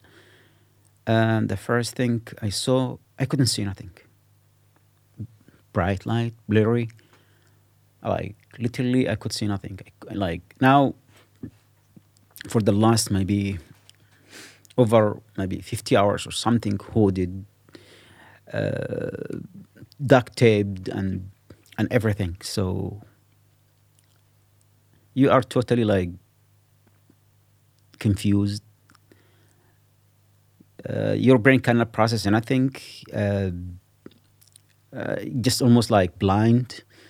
Emotions. Emotions, as I told you, you- if you feel you're going to die every moment, and I told you that when you when you live that feeling over and over again, it just what's happening? What's you you you you are trying to figure out why is that happening? What's going on here? I'm like death will be now the least of your concerns because I have seen death many times. I have met death. I can tell you this. So, and I heard like soft voice. Hmm. Hey, hey, brother, just calm down, keep it down. Someone who already from the first groups. Okay. Yeah. So yeah, he- someone with experience. Yeah, basically, he said uh, he was my neighbor. He was a Danish guy from Denmark, and he speaks uh, Arabic very well because he's like his mother from Algeria. And he told me, he told me just they're not allowed to talk. And guard just screaming, "Shut up! Don't talk! Don't look at me! Lock down!" Like loud, loud screams there. Dog barking all the way, all the way. So basically, honestly, I wasn't afraid of dogs. I never afraid of dogs because in my camp, in my home, we have dogs. When I work as security guard, I work with the Danish embassy and uh, German embassy. German embassy. They have uh, Dutch embassy. Uh, Dutch embassy. Yeah, they have dogs. So, especially the those German dogs, the biggest dog I have ever seen in my life. so, but at Guantanamo, like the dogs was there. Like it took me like few hours just to process to start process. Like uh, I They just took your hood off at that moment. yeah they took the hood like as So, a, and you were in the cage. in the cage. so N- what did you see around? totally naked, beating, and like before they came out, they would beat your your head a few times against the wall, against the floor, basically. So the first thing, like it was bright light I because a lot of lights, I couldn't see nothing. So when I start like processing thing, I, all I could see orange figures, orange, Orange. uh-huh. orange figures in every cage, like around. Uh-huh. You saw a bunch of cages and orange figures in Yes. the cages. Okay. So basically, then again, like, okay, I needed to pray. So as I need to pray and go, I'm go I needed to pee, pray, and go. I will, I will go, I will go. I, will, uh, wear my, uh, I wore, I wore the orange clothing, jumpsuit, and there was like in the cage there was two uh, pockets, one for drinking water, the other one for Uh, buckets. buckets yes Okay. sorry like two white there was like two white buckets one for water and the other one for as a toilet for Okay. shit basically so together so the danish guy told me he was like talking like whispering mm. because he not allowed to talk so i went there i couldn't drink literally i just washed i peed and like i washed and I wanted I wanted to pray. We weren't allowed to stand even up. When I tried to pray, like I had to stand up. I tried, but I couldn't. The guard asked me like, "Don't move," because during the process, nobody should move. And for me, uh, I didn't care. Then they brought their uh, called ERF team. Uh, it is it is um, IRF, the response team. yes, basically they were like right team. They were called immediate reaction force. Uh-huh. Immediate response or reaction? Reaction, reaction. Immediate reaction force. Yeah, basically. Were called- IRF. yeah. So they came to the cell and I get beating really bad. And the Danish guy, How how they look like? Uh, how many of them? like six of them, and they were like, they are like all, all the protective protect uh, protective gears like helmets and vests. They have like uh, They have shields. they have shield of course, and at that time like they want just to set example to everyone.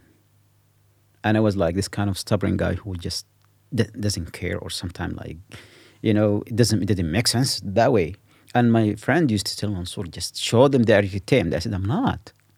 So anyway, the second day when I look at those faces, when I told you you don't want to look those uh, pictures, trust me, every all of us, you know, swallowed uh, eyes, blue eyes, split Split lips. lips, faces like that, really of the beatings.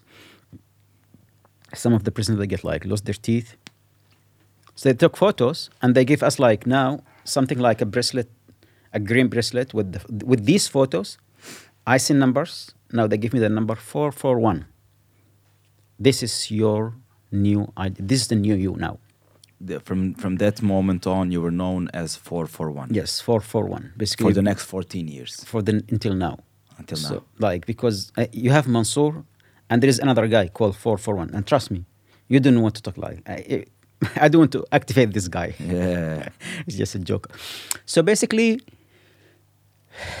uh, I become just a number now, and a new world, a new. I don't know, a new maybe a new dimension of life. I would say that. So, uh, yeah. So basically, like, you know, when you look, here's the thing, Ghalib. When we arrived at Guantanamo, it's really, really important. When we arrived at Guantanamo as prisoners, we had no shared life before that. We didn't know each other, no names, no nationalities, nothing. And why I'm telling you this? Because this is, will be is an important detail. So, the first thing when I look at the people, the bro- the b- brothers, I call them around me, I could see only those bruises in those faces, swallow fa- faces, swallow eyes, blue eyes, blue eyes, split uh, lips. You know, like some of them like broken teeth, and we weren't allowed to talk. We weren't allowed to stand. We weren't allowed to nothing. The guard just shouting at you, "Shut up! Don't talk! Look down! Don't look at me!" You know, it was like, and you know, like as someone, I, I I was trying to figure out what is going on there. So, and when I tried to sleep, someone came and he was begging, uh, you know, uh, banging on the fence. You know, like because the cages was rose chain link fences, Mhm. Literally cages, just Chain link. chain link fences. Yes, like the cages were like cement. On each, there's like four. They call them CTs. Each CTs have has um, CT like as a as an uh, um, uh, CT. Like, No, no, no, no, what it's the- is or CT it's like like, a, like it's like bigger blocks. oh, okay. Each blocks has six uh, big uh, cages. Each cage d- divide into ten cages. okay. So each they call them CT. City one has like uh, 60, 60, 60, 60. 60 uh, cage. Okay, okay, okay. So the big block have like one, two, three, four, five, six. Mhm. So, and the floor cement, Mhm. and there was only ceilings. Doesn't shed you from water, uh, rain, or sun or anything. So no ceilings. Uh, there was ceilings, but It was chain. a chain. Yeah, yeah, yeah, yeah. It was, it was a fence, It's fence like- ceiling. So exactly, it's like a cage. Later on, they put some kind of wood, but late because when we arrived, they were they were building the, the, the they, they, The were still building the the camp basically camp Oh. X-ray. It's the first camp. That camp X-ray was basically before was Haitian. Uh, they, they they use it to house refu- uh, Haitian refugees. Okay. Then they add extra uh, blocks. So when I look at, tho- at tho- those men, I mean, like, so the guards used every 15, 10 minutes would come bang on the fence and wake you up to reorganize the stuff that they give you. They call it like water bucket, shit bucket, uh, sandals, soap, and you have to keep switch these. The first time I did, Switching this. like recognize them. For example, you have the water bucket, shit bucket, and you have the soap. Then you have the, for example, the the sandals, Or the flip flops. flip flops, basically. okay. Then they will tell you no. Start now with the flip flops. Oh, so they give you the way you have to organize those. Ah, okay, okay. Every 30 minutes, ev- you have to keep every half an hour. every half half an hour. They they will ask you to keep reorganize them, reorganize them in, in a certain way. They have like they have a- a paper, and they tell you do this, do this, do this.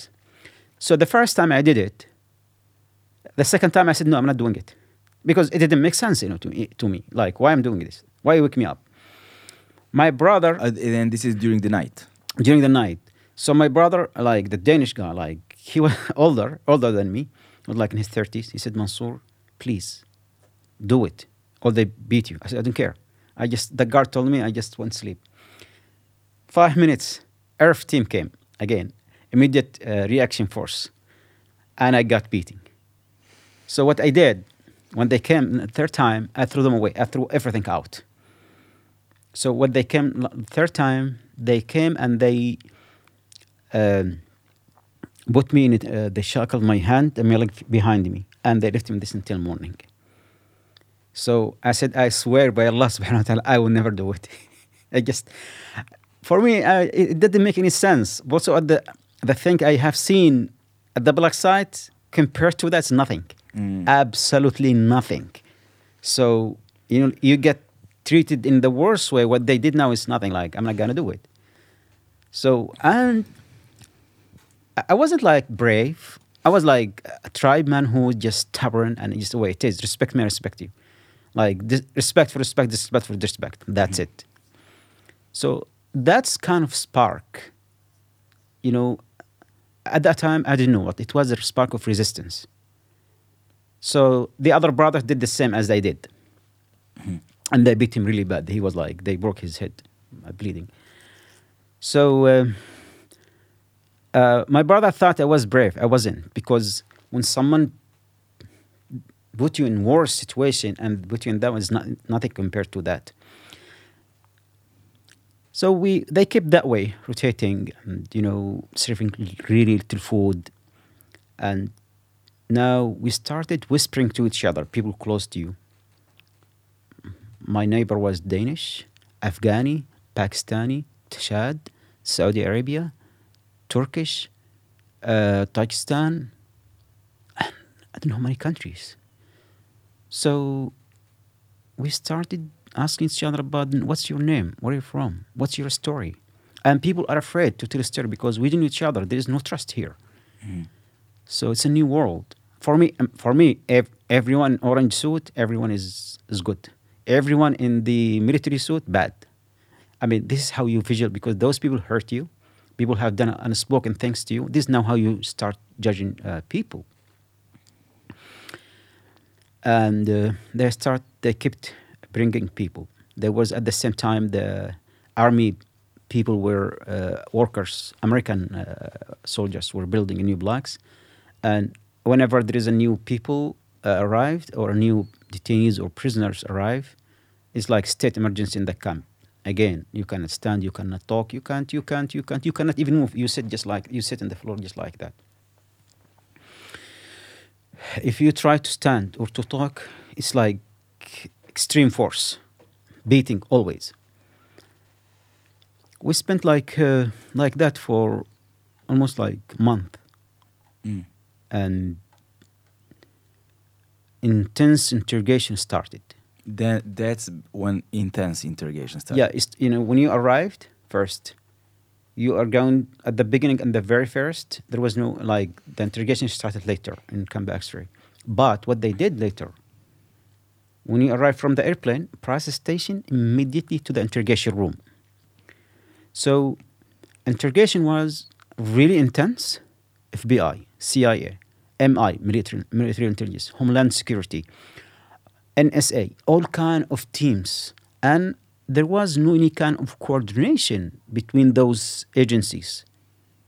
Different teams, different interrogators treat you differently. Some of them nice, some of them really bad. Some of them beat you, some of them.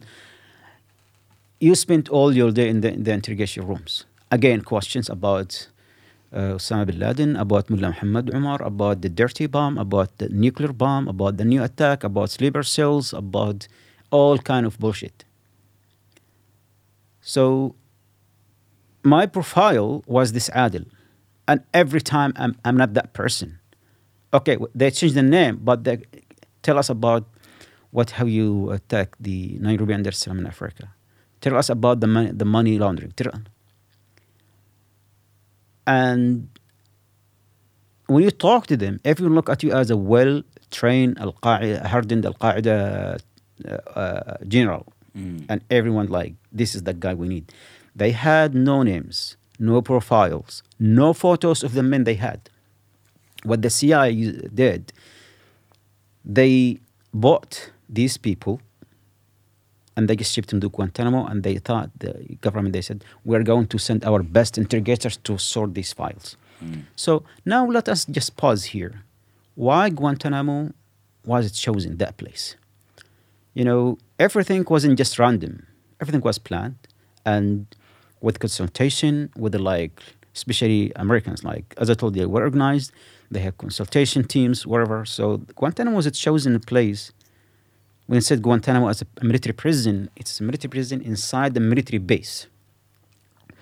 So In Cuba. in Cuba. It was created outside of the justice system, outside of our humanity, outside of any kind of law. American Constitution doesn't apply. Geneva Convention doesn't apply. Uh, law doesn't apply. Animal law doesn't apply. Devil's law doesn't apply. Nothing applied at Guantanamo. So when we arrived at Guantanamo, we didn't know we were where we where we where we were, and we tried to figure out the first the first time like where should I pray? Because when we pray as Muslims, we uh, face Mecca, Yes, of course, East. yes, basically. At that place, like you have no idea where no, East ha- no, like you have no idea, nothing, nothing. You feel like there is only hills. At the same, you cannot see the sky, the stars, nothing because bright lights. And we start debating from the very ni- very first moment. Um, someone said we are in, in Bahrain. Some said in Oman. Some in Oman. Someone read in the like um, the there was like uh, the the Bibles who for the, the cages made in India. They said we are in India. Oh, so the wires uh, in the cages they said ma- made in India. Okay, okay. So basically, and like you had no idea we had no idea. So when we pray, some of us pray that direction, some of that direction, like because now you have to use your best way to figure out how to where, where to pray. So but the sun direction you had you haven't seen the sun. I mean, this is one of the things like y- you cannot determine the, the direction by the sun too. Okay. So basically, like some of them okay between because you can see between the uh, east and west when you where you where you pray, but again, it depends in your location where where because, for example, in the north in the south, where where, where are you? The location that can determine the, the sun movement. okay, So, okay. so we spent that way just because it was, as I told you, a classified place, prison. Nobody knows about it. We spent that three months until a new group, and then until they moved us into a new camp called Camp Delta. They they they build they built a new camp made of ship uh, container uh, Shipping shi- containers. shipping containers. okay. Yeah. So they built this uh, prison. Before we jump to that, this is how we figure when Guantanamo, when a new group arrived, these men were, arre- when we brought to Guantanamo, they were free. Then they got arrested. Then they said, guys, you, you're in a place called Guantanamo in Cuba. Okay, well, Cuba, huh? So when we, when we told the, the first time we told the interrogators and the guards we, we were in Cuba, who told you? Like, they were like, it's like something big. so basically, when I remember one of the one of the brother went to the, interrogate, the interrogators and he told them, "We are in Cuba. We are in Guantanamo, exactly, in your navy base, and that's something big to tell to your interrogators. Like, how do you know that? The guard were called for interrogations. Mm. Like, they when the guard because they have meetings, like they have like got every before they come to work in the camp and after they leave. who told who told the prisoners uh, who told the prison they were in Cuba. And that lasted for weeks until we told them, you know, like the menu brought from Mhm. again the new groups. So we spent three months in Camp X-ray, and the first month we went on hunger strike, and hunger strike was big part of our life. Well, but before before that, because you started t- telling the story that after the first month, uh, they have prepared you for intense interrogations. Yes. Yes. So, like- so you so you basically spent three months in the black site, and then one month in Guantanamo. That's four months. no, no, uh, three weeks in Kandahar. Three. uh, Okay, so three weeks in Kandahar, and one month in Guantanamo. No, no. Now in Guantanamo, the first month. So let us talk first, like about the. But pause a little with Guantanamo. Okay. As we said, like it was created at that place. So basically, as talk about what kind of people who arrive at Guantanamo. Mhm. So basically, there was like 50 langu- uh, 50 nationalities. Fifty. 50, 50 nationalities. Fifteen or fifty. 50. Fi- five zero. Five Okay, okay. 50 nationalities. Over 20 languages spoken. Yeah. You have different ages from few months old until 105 or uh, 105 So the oldest detainee was 105 year old. Yes. Wow. The youngest was only few months old. A, ba- a baby brought with along his father. He, he was kept at the, ho- the the baby was kept at the hospital. Oh my God. So basically, all Muslims, all deemed to be the worst of the worst terrorist, hardcore terrorists at the, you know, as uh, Rumsfeld named us. As prisoners, in reality, they didn't call us prisoners, they call us detainees. That means to avoid uh, uh, Legal consequences. no, uh, Geneva Convention. Okay. So you have no rights now. Whatsoever, you have no rights. As prisoners, when we arrived there, we had no shared life, as I told you before. And this is really important, important point. We had we didn't know each other name. We never saw uh, each other before. Prisoners were brought from Afghanistan, Pakistan, Iran, United Arab Emirates, Bosnia, Mauritania, Africa, Saudi Arabia, in different countries. Yeah. CIA was paying, countries were, were selling. And So CIA was paying for the detain- detainees. they were the paying prisoners. like actually a ton of, of, of, of millions of dollars. Okay. So basically, and I met with the Bosnians who brought from Bosnia to uh, to Guantanamo, and I will tell you later on, like about their, their story, and because I, I met I met them and talked to them. It's, each country, s- you, you had no choice. You have to give them what they want, the American what they want, or face the consequences. This is this kind of, this this American democracy, uh, this American government democracy. When I say Americans, I didn't mean the people. I mean the government. So we started uh, knowing each other little by little. Like my name is so and so, and but to the Americans, you're just a number. So Ghalib, I'll ask you a question. What makes Ghalib is a unique Ghalib? yeah, my life. My everything that creates my identity. Yeah. So, what's the thing that creates your identity? Well, various different things. Let's start with family. You know, let's start with uh, things I love, the things I'm interested in, experiences I've had uh, that forged the way I see the, myself. I see the world around me. Yeah. You know, and many different things. So- we can go on. Yeah. right? So basically, what makes a person as a unique person are these characters, as you said, your experience, yes. your knowledge, your memories, your emotions, your language, your name, your family, your relationships, your nationality. Yeah. That will make you as a unique, your unique person. Imagine when someone took you, kidnapped you, snatched you from all, and put you that place. You become just a number. And in prison, the more you stay, mm-hmm. the more you are distanced from who you are. You would start constructing a new life, a new memories, a new knowledge, a new friendship, a new relationship, a new you.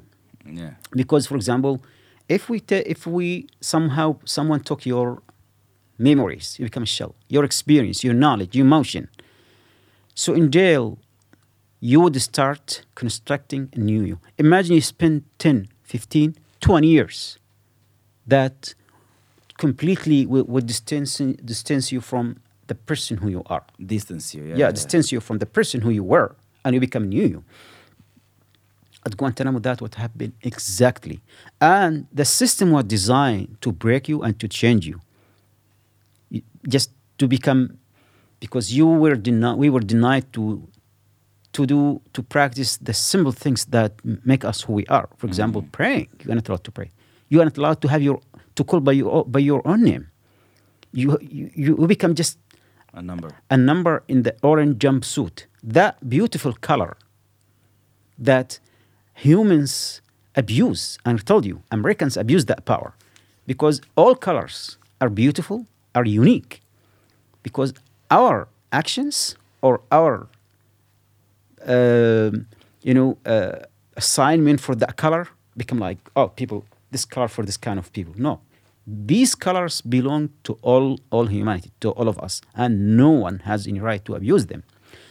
So we become just those figures, living beings, in those cages, in those orange figures. Mm. This is our life now. So the more we stay, the more now we become part of each other life. Mm. We become part of Guantanamo, part of the guard life, part of each other life. That what I told you before Guantanamo, we had no shared life.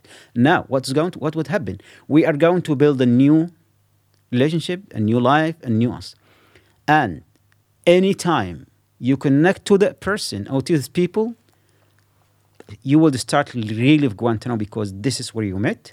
This is the first time happened. And I will tell you how that, how, what, um, later on we're going to talk about how that impact our life later on. So basically we started to live your day life, the things you do, like pray, eat, and try to figure out what's going on. On every face, there was like a million questions. Why? Where? For how long? And to where? Mm. Guantanamo was a, a unique place, not in a good way, because every prison they're like a, um, a, a, a prison system where there's like a system exists. There is rules. There is um, customs. There is everything. But Guantanamo, it was created outside of everything. It's Outside like of all systems. Yes, it's like a black hole basically.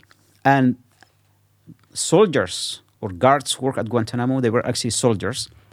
They had no experience in dealing with prisoners or with detainees. And at the same time, there wasn't any kind of regulations or rules how to deal or deal with these prisoners. Everything improvising, interrogation, food, treatment, and when the before the guards came to work at Guantanamo, they would be taken to Manhattan, where where, where, where the twin tower collapsed, mm-hmm. and they were told that people who did this are there in Guantanamo down there. Imagine as a soldier, they came full of hate, revenge. I mean, how they look at you and treat you. On the other side, as prisoners, we had no idea. I was like most of us actually. So people would say, yeah, this guy tried to say everything was innocent. I'm not saying that. But what I can tell you, according to Seton Hall Law University report, based on the government document, that 86% of the prisoners in Guantanamo were either mistaken identity or sold for bounty money.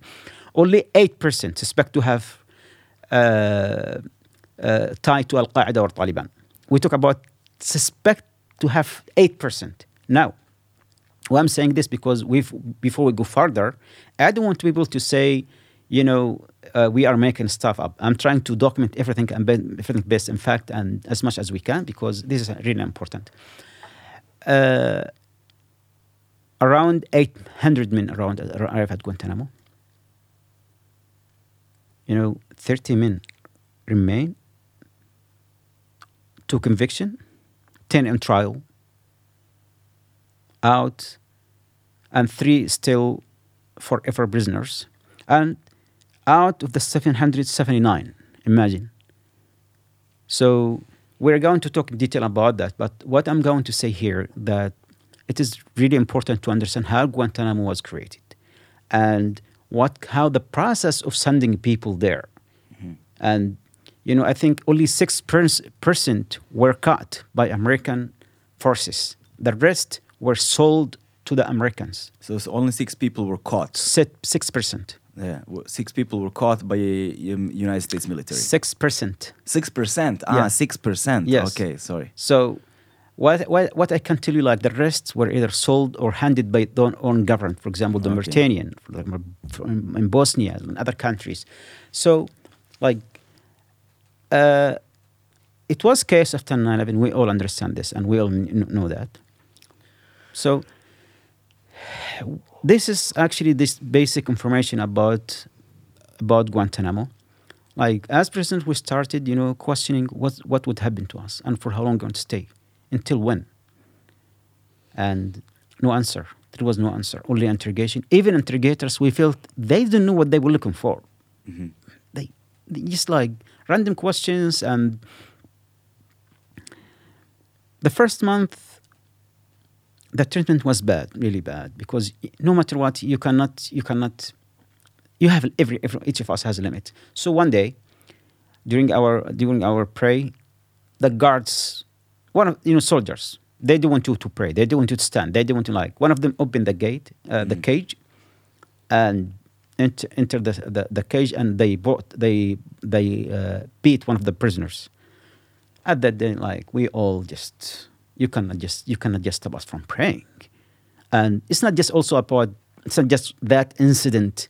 It was accumulated since Kandahar because the humiliation uh, religion desecration they used to take the holy quran which like muslim Yes. dearest most, most, most throw it in the shit pocket bucket and they would just step on it kick it and that you know, like eh, it's it was too much also the beating and the humiliation it just people had enough so that one spark it just like we all in the block six- 60 prisoners in the block in the cages Mhm. we just all stood up and like start now we before we just keep silence and some of us like me and others So it was like an uprising. yeah and i took the it was that like the first hunger strike? Yes, that will lead to the hunger strike. So what I did, I I took the the the shit bucket and I threw it outside there, and I told the guard, "I'm going to throw it at you, basically." Yeah. And I'm like, "We need people. We need people to stand." Like when I saw my brothers rise like that, I was like, I went extreme. Yeah. So then we started. Now we don't care. They start like bringing the IRF teams to beat us one after another because they don't want to that spread to the next uh, To the- city. Yeah, yeah. So I remember that that night we start talking to each other about just ignore the guards. We, we were talking. What what should we do? Because But this is the interesting thing. How did you communicate? we were talking now. Ah, okay. So you're you were in the open space, seeing each other Yeah, in the cages, and then you were openly talking. Yeah, because here's the thing. Like it was cages, like literally like uh, animal cages. Mm.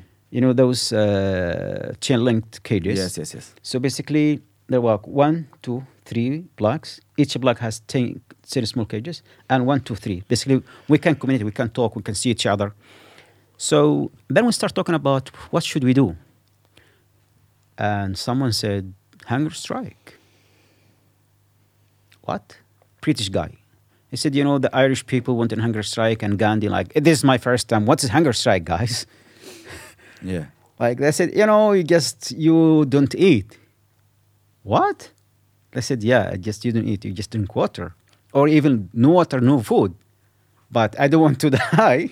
it is forbidden in Islam to kill yourself. I don't want to kill myself. I don't want to die. They said, well, it's a way, and like now we had to debate.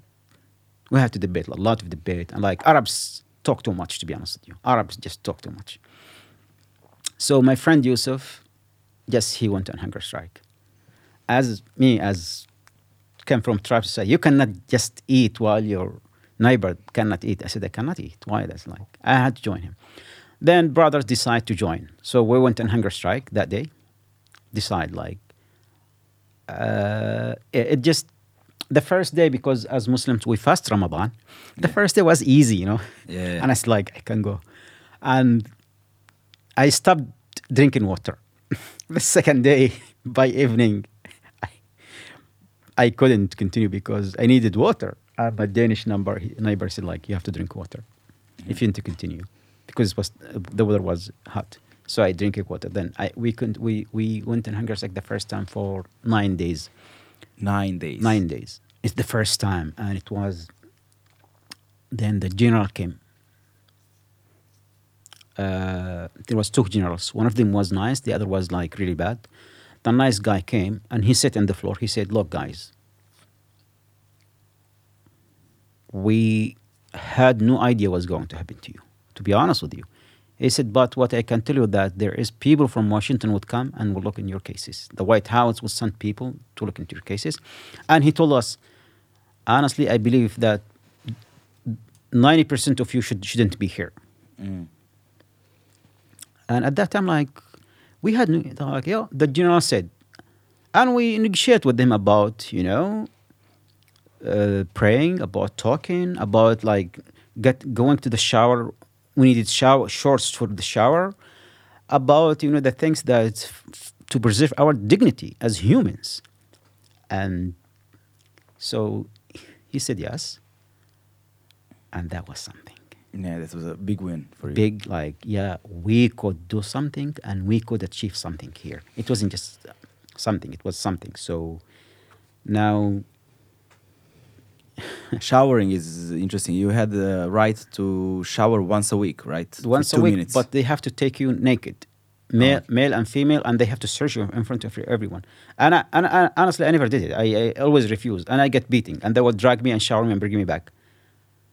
It's the only way because I'm not gonna drag you, shower you, yeah, and because I'm. I'm I'm I'm not gonna I, I cannot I will never just take my clothes. Mm. I can't I, I just I can't. So when I refused, they would bring the IRF team, shower, strip me naked, drag me and shower me and throw me in the, in the cage. You know, like so you have no choice in that in that, in that matter. And some of the bro- some other brothers did the same, and some of the others you know they just you know different people you know they have different different way in handling things and taking things you know. Everyone have their limit their own force and so after then when we start talking like now there was a problem. There's a language barrier. Now people speak arabic urdu pashto german french uh, turkish uyghurs it's just like oh no. How to communicate. And that's what very interesting. Like we are going to talk yeah. Uh, if you read my article just published yesterday in the uh, humanity mega uh, journal just called the beautiful guantanamo. It's actually what i did. I wrote about the beautiful side of guantanamo. And it's the, it's the first and unique writing. So when you look at the painting of guantanamo it was really beautiful beautiful painful sad and unique painting of guantanamo as a whole. As, uh, i mean the painting of the detention. You have 50 nationalities 20 languages spoken different mindset all kind of people.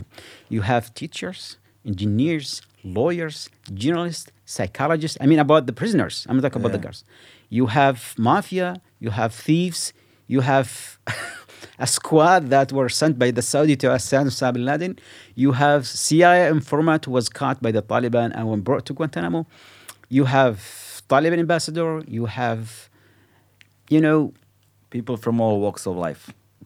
exactly Yeah. it's like very you had interesting farmers, farmers mountain divers people like you. so you have like young, old, like this is the painting of Guantanamo. So, and we, we we started talking to each other, become to know each other. we start sharing our stories, our life, our culture. Talk about songs, about the food, about tradition in certain things, celebration in marriage, celebration in days, about you know what's what like for example what Yemenis knows about, what Saudis know about, what uh, you know uh, uh, Pakistanis or Afghanis knows about, like this kind of stuff, and also at the same time. Part of make you as a person, uh, as a human being, is your knowledge. You know, the toolkit we brought with us, one of it, one of it, the important important thing was the knowledge, the knowledge you have, experience in life. So you have professors, you have teachers, you have divers, you have pilots, and we had no books, we had nothing. We had only each other, and that meant that played a, the biggest role in our one of the biggest role in our survivor at Guantanamo, having each other, having you as a person, as a human, as having your knowledge, your experience, your wisdom, whatever, Your stories. your stories. So basically, we started to try to to learn something here. Interesting, like now we have a lot of time, and people start learning about anything they can. Cooking, for example, mm. when someone was giving a class in cooking, first of, first of all, what do you need to cook today? Like, for example, lamb with rice. So first of all, a chef, we have like chefs. Said first of all, cooking things it's like painting. And cooking is not just for you; it's about the people they're going to eat. So we start, for example, talking about you know going to the market, uh, buying stuff, and So this was just like a ma- make up stories, made up stories that how you need to. no, he was a chef, and he teach He you. was a chef, yeah, He but he was just telling you. Yeah, yeah, There was no way to practice. yeah, it's all no of practice. It's just yeah. now we go to the market. No, we have like 500 guests. It's a, ma- a wedding of Ghalib, for example. Yeah. And there is people, they have like, you have people, they don't eat certain things. And you have to prepare this kind of stuff for these people. And these people, they can, they, they have an, uh, uh, allergy of that stuff. You have to be aware of that. Like, okay, well, it's not just you cook, just they are not animals, feed them. No, you have to be aware of what kind of guests. First of all, we go to the market today. We're going to do to buy the, the vegetables, check the onions, check the potato, check the meat, how to know the meat is fresh, and like yeah, like people experiencing that, and like and cooking now. Yay, you cut the onion, you cut the potatoes, you like prepare the oil, like, and it's Yeah. like you feel like you are, you're living it basically, and you adjust the fire and like throw the oil in the throw the onion in the oil like shh, oh, it Yeah. get burned. Part of the cooking you have to get burned sometimes, like So this was this was your like your pastime, the way you were. Yeah i'm like it's like here's that like that that you know the beautiful thing are, uh, as humans. Each of each human they have like their own way of teaching things approach things talking about things. Like you can bring two people to talk about one experience but it will be different way of telling the story. Mhm, Yeah. so then you, we one of the we're going to talk later about marriage classes not now because that happened later. Yeah. and one of the most interesting like and classes about ma- marriage. So the first three months we spent at Camp X-ray. I remember like prisoners were talking about World Cup that time was should be hold, hold, should be by uh, they were talking about World Cup. Oh, okay, yeah. Yeah. I read your article in the Guardian a few days ago. Yeah. About the World Cup, uh, from the from the Guantanamo point of view. Yeah, so basically, people try after like the trauma, and people like start getting uh, little hope they, because the general said someone would come from Washington, or the White House would send to someone. They said we're going to catch up with the World Cup, and after two months, That was the World Cup in uh, uh, which one? That was 2002. 2002 was in 2002 Tokyo, uh, like Japan and Japan Korea, and South Korea. South. Korea, yes, yeah. yeah. And So- then 2006 was Germany, right? Yes. So basically, what happened after two months? Uh, interrogators came, and the guards came to each of us. They need to take a new photos. Yeah. Why? Because I told you the photos they were taken we, when we at the press station. They give you like the bracelet. We couldn't recognize ourselves. Like we were in very bad shape, messed up. And when they give other people to look at photos, nobody couldn't recognize the, those photos. And when they used to bring interrogators, used to bring photos of us naked, whole body and beating, and trust me, it's like way also of torture because they had to like have piles of photos. After two months, they came and they took new photos where we start like now looking not as uh, healthy and not beat, beaten as, as in the first photos. That I told you like uh, they changed the the photos. So Guantanamo was also changing, growing, evolving every time. So started with Camp X-ray. Now they moved to Camp Delta, uh, shipping containers. hmm So they build they built camp one, two, three, three camps. Uh, started with the uh, the names of the blocks started with Alpha, Bravo, Charlie, hmm except A, like ABC. yes, except from there was no Julia. There was Romeo, but no Julia. Yeah. And until there, I said, why they didn't bring they name any of the blocks Julia? Because there was like uh, uh, Alpha, Alpha, uh, Alpha, Romeo, Charlie, uh, and so on. And you have like, we said, brother, we have Romeo, but where is Julia? there was, n- they didn't name any of the camps uh, blocks with Julia. Okay. So, romantic way anyway, the romantic stories. So, we were moved again from when they came to move us from Camp X-ray. It's also like it was kind of scary story again to Camp Delta, and because the interrogators used to tell us you're going to be executed here, because the world no, knows knew, we thought the world knew nothing about us. Yeah. And the interrogators, they said, you had no value, you have no value, so they going to throw to the sea. And speculation from our uh, some prisoner, they said, you know, or wearing this color orange, that means we are going to, they're going to execute us. So we, they moved us from Camp X-ray to Camp Delta. Mm. Then, where we found that we were in Guantanamo. When the new group arrived, a prisoner, they brought new group too, and they told us you were in Guantanamo. They said, We heard about it. What's you? We heard about your hunger strike, and it was a big, I'm like, wow. Now, But how did they know you were in Guantanamo? Because, Oh, they were they were free men. They were free the- at that so they heard it on the news. yes. Oh, so they were, okay. some of them were in Pakistan, and Pakistani government, you know, Told them they were hunted. They were hunting Arabs that time, any Arabs, regardless. So they brought Afghan students, professors.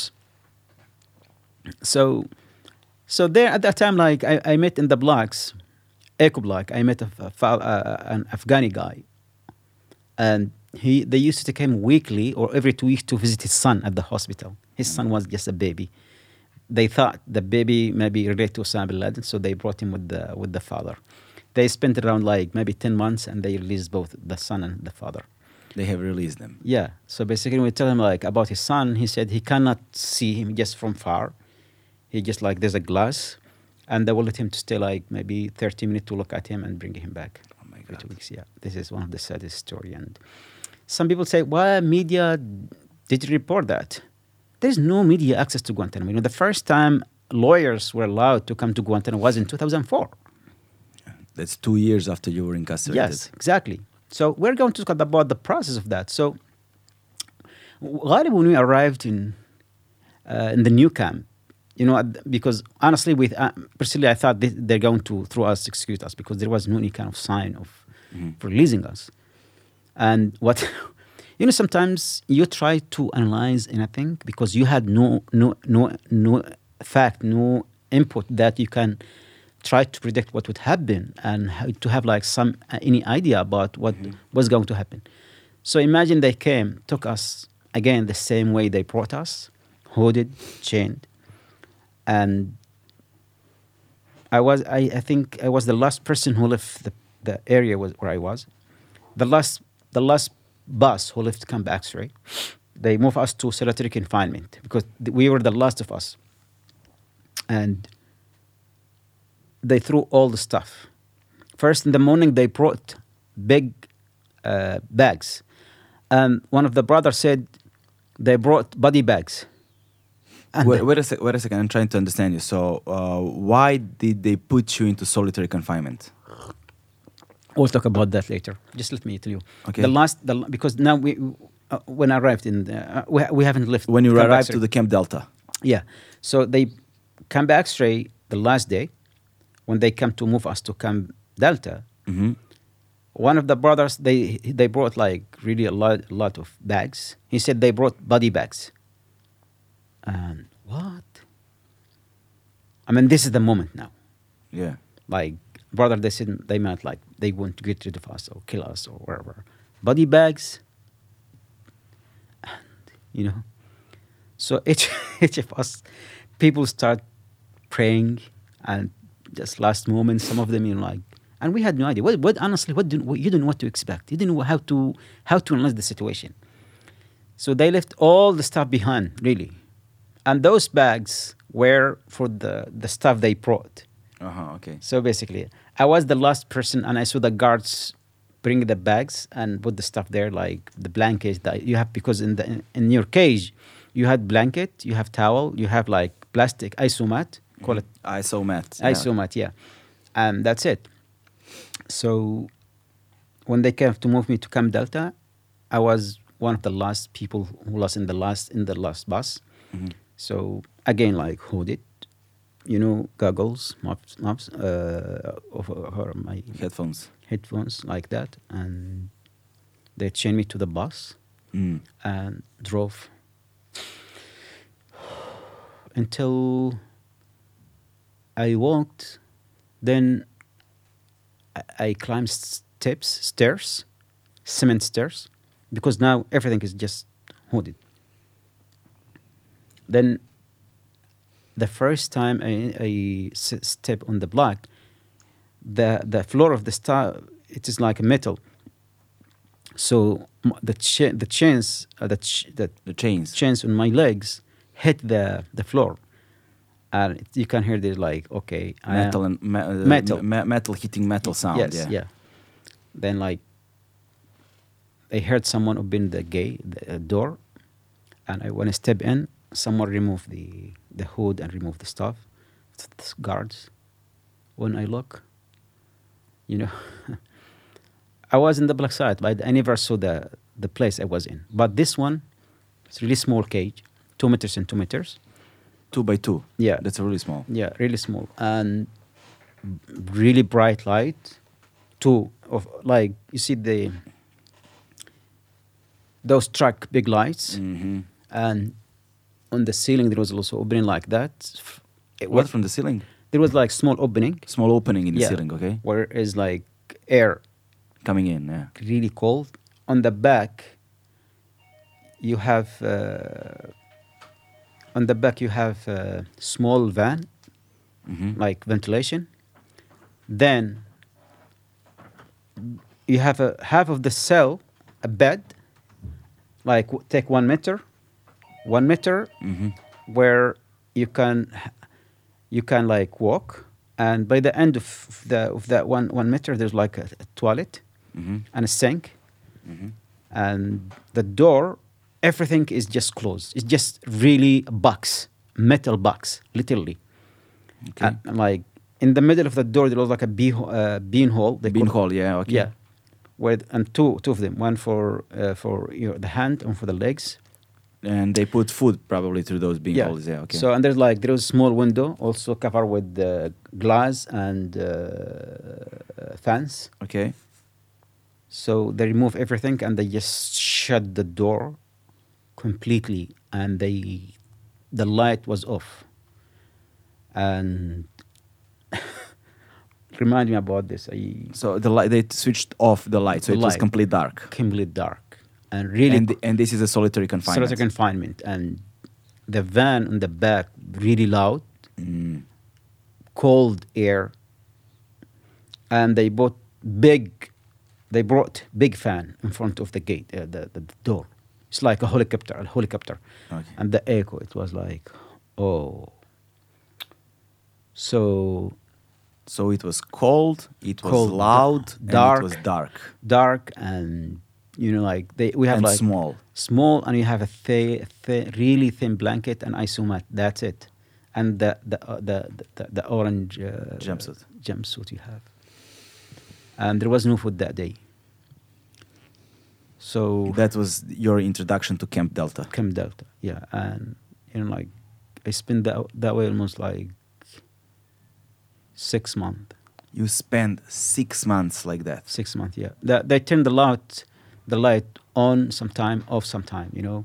And I went through Depending on what and how bright was the light. really, really bright. I told you. So it was like the headlights, like You see- strong, bright lights. Yes, the, really, really strong. So it was then intense interrogation almost every day. Inside of the. no, there there was interrogations uh, uh, blocks. Oh, okay. So in Camp X-ray, they had like a makeshift wood rooms, hmm but now they build a new in Camp Delta. They, they built a new, they built a new interrogation rooms, Mm, okay. which, which is like designed for interrogation, and you know, always like tie you to the floor. So it's another story. So then intense interrogation Started. started. Again, over new interrogation, uh, new people, new interrogators, and I, I think the, the, I think it's very important for people to know that uh, uh, the the these intense interrogations and uh, they were designed by the prison. Uh, they were designed for each prisoner specifically, right? Like you you were assessed by psychologists and psychiatrists. yeah, of course. But uh, we will go into that because th- the real torture hasn't started yet. Oh my god! So, so we are now in Camp Delta. Mm. So, and the the fun, and the I mean, like not the fun, but the real. Uh, the real Guantanamo starts there. hasn't started yet. Yeah, imagine all of those black sites. The no, the black site, the black site is different, you know. Yeah, but yeah. you know, but uh, we can say the systematic abuses and torture hasn't started yet. Oh my god! So we, when we moved to camp uh, again, because as like as I told you, even the interrogator, American uh, uh, intelligence agencies, they were working independently. Like they do, they weren't co- co- coordinating with each other. They weren't like there was no cooperation at that time, and everyone wanted to get their hand of a treasure or information, whatever they want. Yeah. So, and also they had no mechanism how to interrogate those prisoners, and they had no fact, no photos, no profiles, nothing. Even some of the government and countries, they didn't know who was the, who are these people. So, it was a big, a big mess. Moved to Camp Delta, I spent like almost in this solitary confinement. They would take me like one once every two months, one or twenty four hours, and bring me back. So every th- you, so you spent in so let me uh, just if you if I understood it right. So you spent six months in solitary confinement, and every two months they would take you out for twenty four hours. Yeah, and bring you back to solitary Yes. confinement. I spent and the eight solitary confinement was dark. I can tell you, like, solitary confinement, I spent eight years in Camp Delta. Like, out of 15 years, I spent eight years, almost, or nine years in solitary confinement. oh my god! So, if you talk, it's not just six months. I spent around 15 years at Guantanamo. Around nine years of that in solitary confinement. So, uh, intense interrogation. What I did when I arrived Guantanamo, they asked me to write a letter. So I said, yeah, why not? I wrote a letter to Yemen president, and that was another thing. They, it was one of the things that contributed to my uh, tournament at Guantanamo. They thought I was related to Yemeni president. They they thought. I was related to Yemen president. Oh my god! So ICRC came and they, they said, you know, they came also to ask me questions. They said, like, what's your relationship with the Yemeni president? I said, I can't tell you. And the interrogation tried to also to, to, to they wanted me to convince that I'm related to him. I said, it's not. It just he's a, we all like tribes, and as a Yemeni, he should take responsibility of of my case. And I, when I left Yemen, uh, I had a permission for my for my own government. yeah. Anyway, so uh,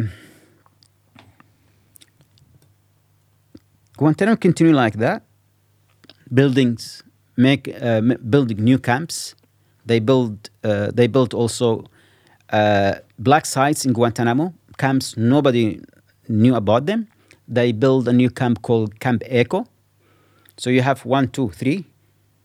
Then by the end of 2003, there was a turning po- point in Guantanamo.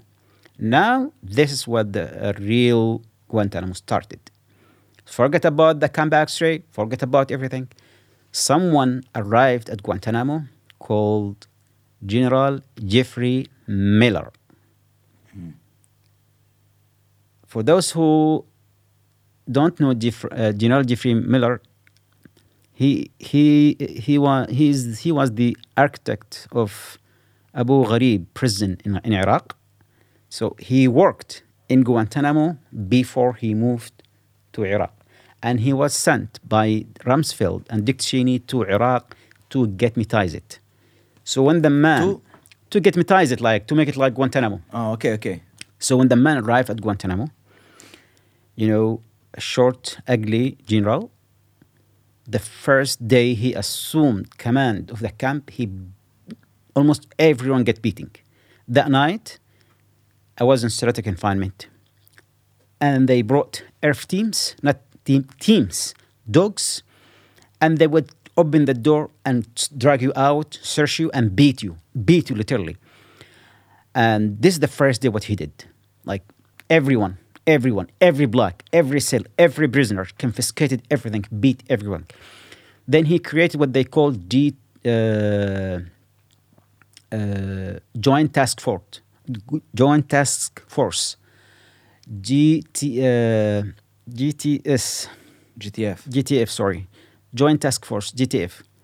And he's the first one who wrote Guantanamo SOP, means uh, Standard Operation Procedure.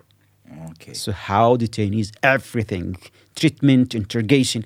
He also brought all the interrogation together and Oh. everything. So he was the one who organized all of those different everything aspects of Guantanamo. everything basically and everything should go under inter- total control for the interrogation and interrogators no matter what everything worked that way medical guards everything psychologists were brought advisors and everything so everything basically was start the real guantanamo started now so what he did too you know, like in military, there is a, a chain of command, like Yes. general. In Guantanamo, you should like the camp general, Mhm. the base general, and the sou- southern command general.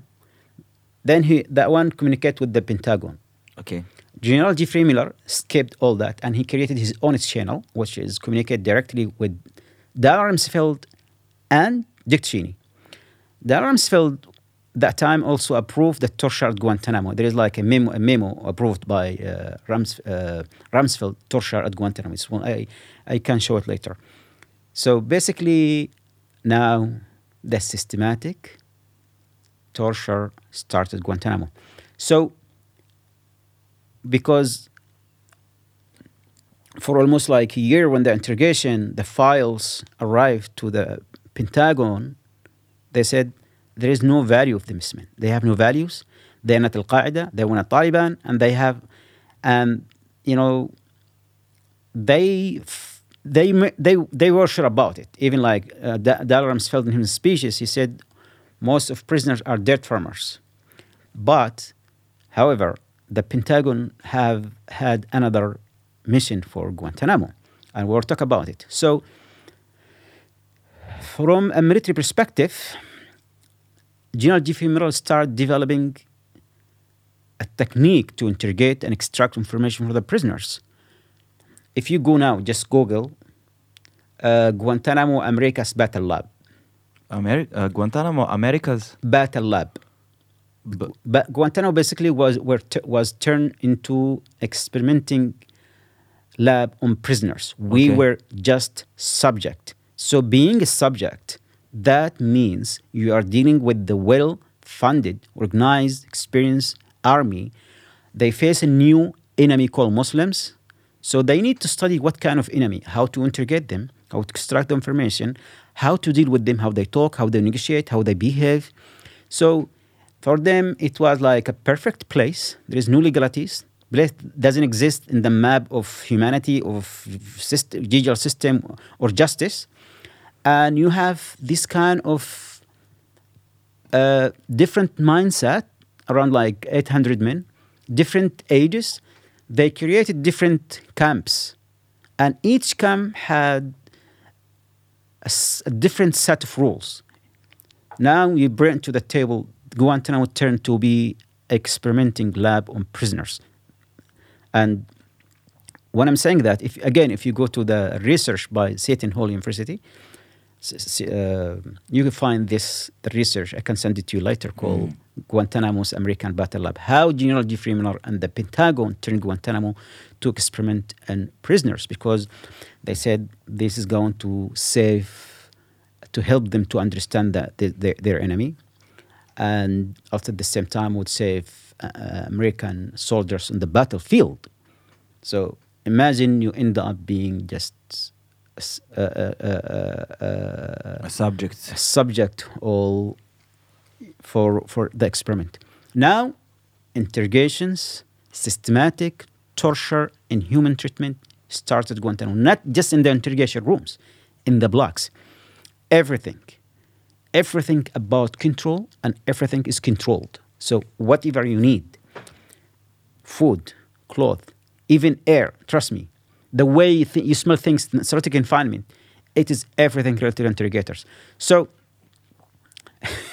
when they used to put me in the bright light, I used to complain to the t- interrogator to them like I don't want to be in the dark because I like the dark because the, the, the light hurt my eyes.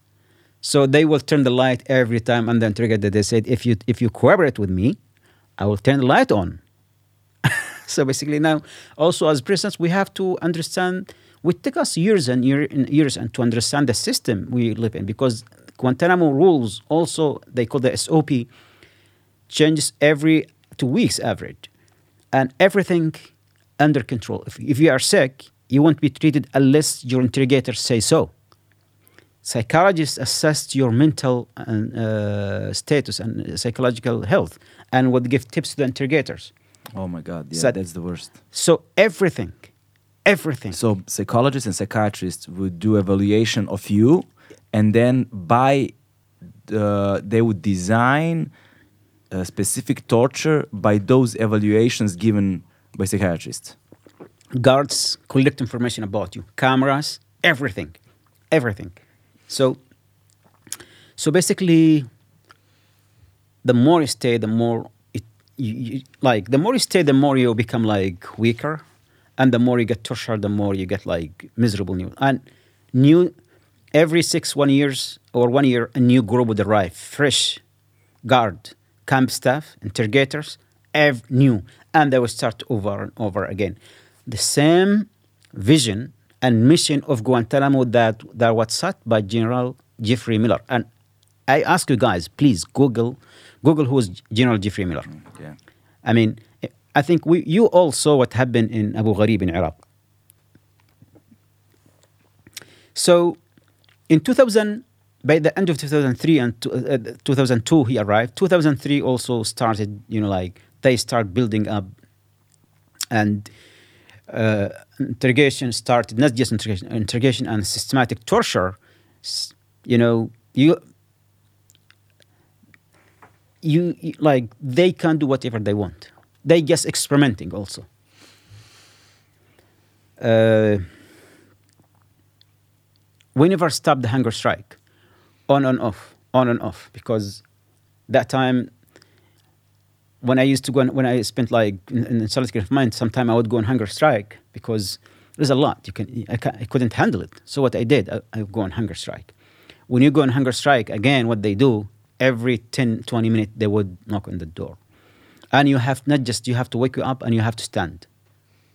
Sometimes the guard would bring bright light in your eyes, like so. Basically, you cannot continue regardless. So we tried what they did now, they separated us in different camps. And there was no communication. You cannot communicate with other camps. They brought uh, generators, loud generators, Loud generators. between okay. camps. Between in the blocks, there was like big loud fans, especially in solitary confinement. And they brought also vacuums, you know, the vacuum you clean the floor. They brought tho- those vacuums loud, so loud. It just, you feel there's like a drill in your in your head. You feel like every single cell in your body screams. And it keeps you disoriented. You cannot sleep well. In solitary confinement, you don't know what the time is. You cannot. You know it's night. Day. You know when the shifts change. There's like, like they have three shifts at that time, morning, evening, and night. Then they made them only two shifts. The soldiers they came to work on Guantanamo, Army, Navy, uh, Air Force, Marines, and Coast Guard. Okay. So, so imagine those rotate all the time. And one of the worst people we met there, there was like nine four unit. I wrote about in the book where those were from New York. Then the Marines. However, you know, like we tried to resist too, you know, because we weren't. We were just react to whatever they threw at us, you know, and they wanted that. They wanted, you know, how how how would you how would you behave? How would you react? how you do behave as individual and as in group how you guys communicate how you make your decisions. It's not just you are dealing with just chaos. No americans they're not like some, a kind of chaotic people. When it comes especially to guantanamo they are people organized and psychologists psychiatrists. They have advisors military advisors arab people from background. They have like about each nationality. Interpreters from different countries experiment. They have also consult, consultant to help them how to to tame that beast they have there. In 2003, they brought someone called chaplain, Muslim chaplain. It's kind of sweet, right? To have a chaplain. Chaplain. Chaplain, Uh, uh, like- uh, It is a person who's like a Muslim chaplain, work for the army as an army captain, like educate the soldiers about Islam, how to treat, how, and give them the idea about you know Muslims and so on, and help them to understand. like a religious expert. exactly, like, but he also worked for, for the army. Okay. Okay. At that time, during G- General Jeffrey Miller- Miller, a nice guy arrived. His name was James Yee, military, uh, a, a- military captain. Uh, I think Gulf, uh, Gulf, uh, Gulf War uh, veteran, and he worked as now as a chaplain because he was a Muslim and Mhm.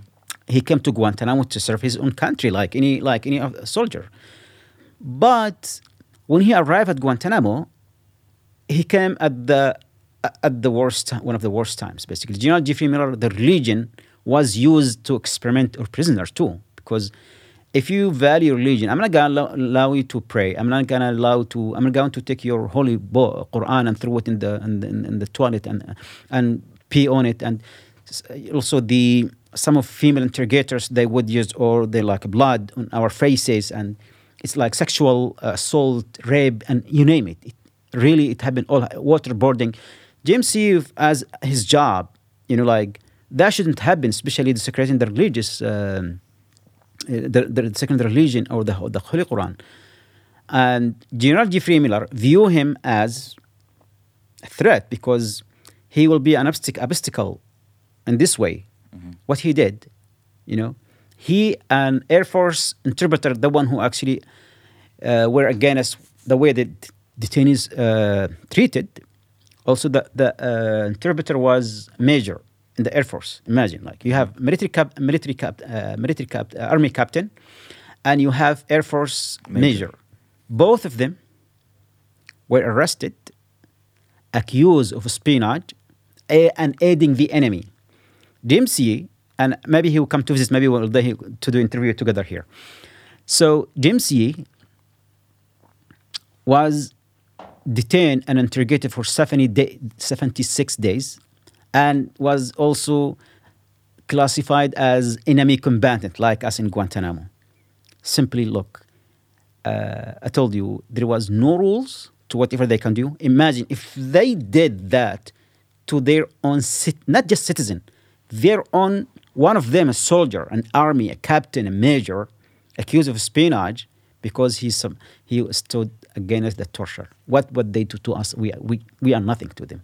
So that what happened like in 2003 to Jim C. Jim C. After that was uh, uh, discharged from the army, honorable discharge, and I am in contact with him too. We we have been like we had did a few event together. We did the last event in like in last week about closing Guantanamo. Online.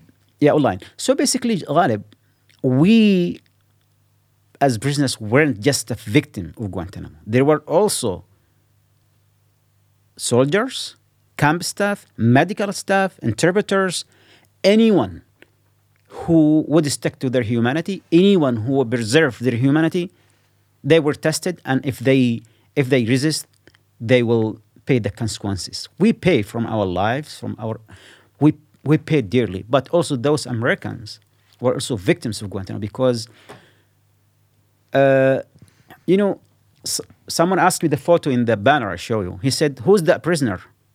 I said, "This is our humanity. This every human being there. It's not just one prisoner. It's all of us because."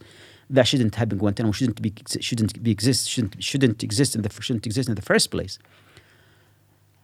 So General Jeffrey Miller, after he when he uh, Assumed position.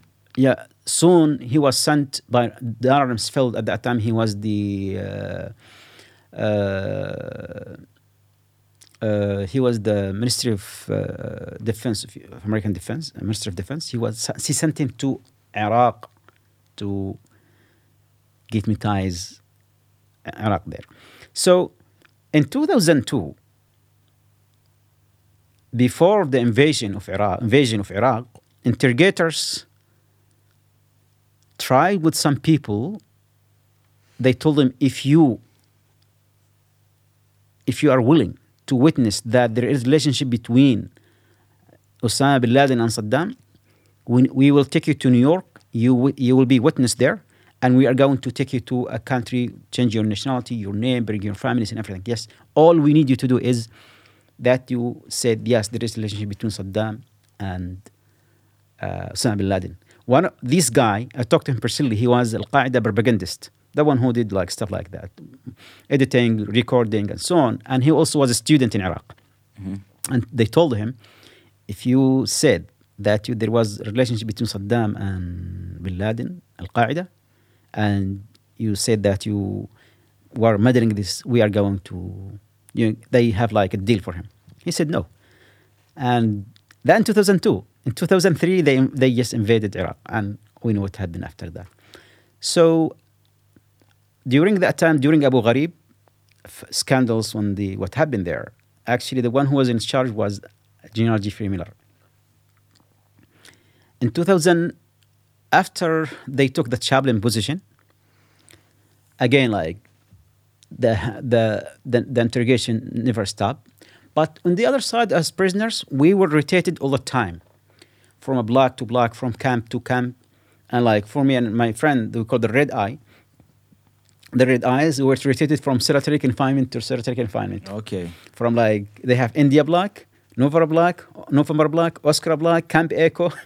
So they were rotating us like because we were accused as instigators or detainees le- leaders and so on. And because uh, also in jail, each prison person can choose. You, sometimes you cannot choose how the way you live. Sometimes you can get choice. But for us,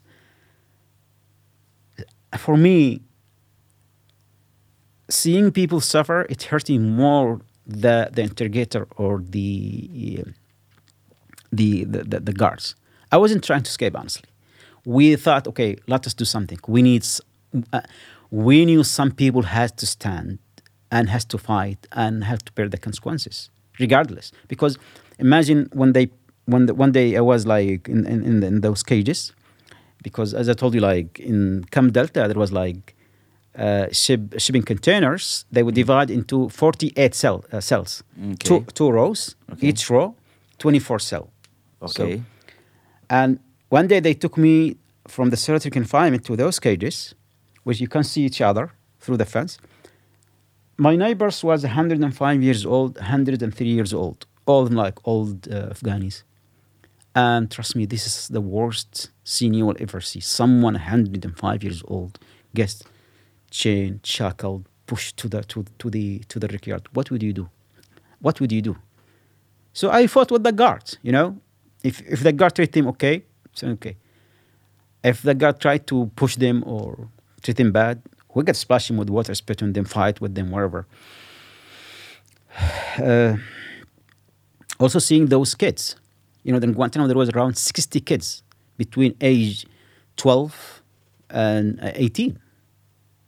So we are talking about 60, not 16, 66 zero, and including including that baby who was with his father there.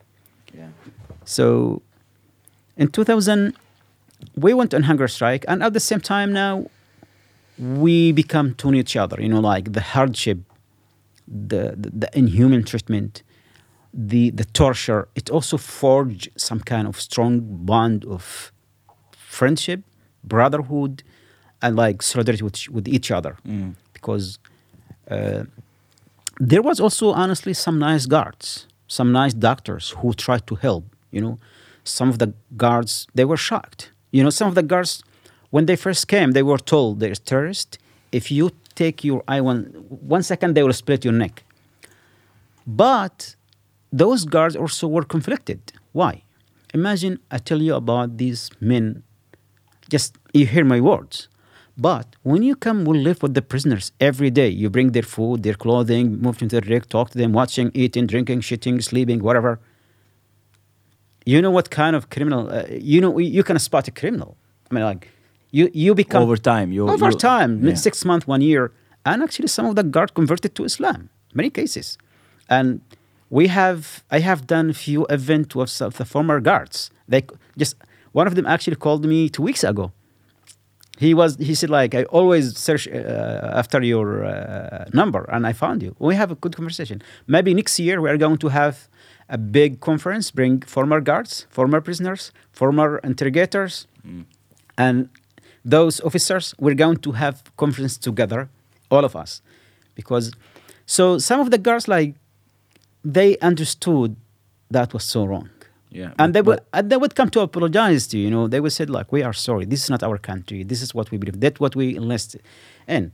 But at the same time, you know, like some of them actually left the military and they become activists Mhm. because, uh, and I can tell you, those people are victims for the system itself. You know, and I believe there's American values. You know, but at the same time, when people misused and abused power, and I can tell you, American justice justice system itself is a victim of those individuals, because if they failed to try us before their justice system, and that's what we do at Guantanamo. We used to protest, we went on hunger strike, and we challenged them to try us before their own justice system. The system they accused us that we want to destroy as like as they as they classify as terrorists. So, said guys, look, if you think we're a terrorist, we have committed a crime, please uh, try us before justice system and sentence us. Yeah. You cannot keep us for forever.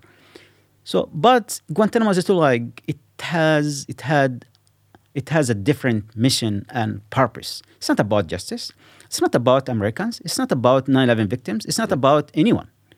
It's about those people who misuse and abuse the system. It's about they serve their own interest because invading Iraq was a mistake, big mistake.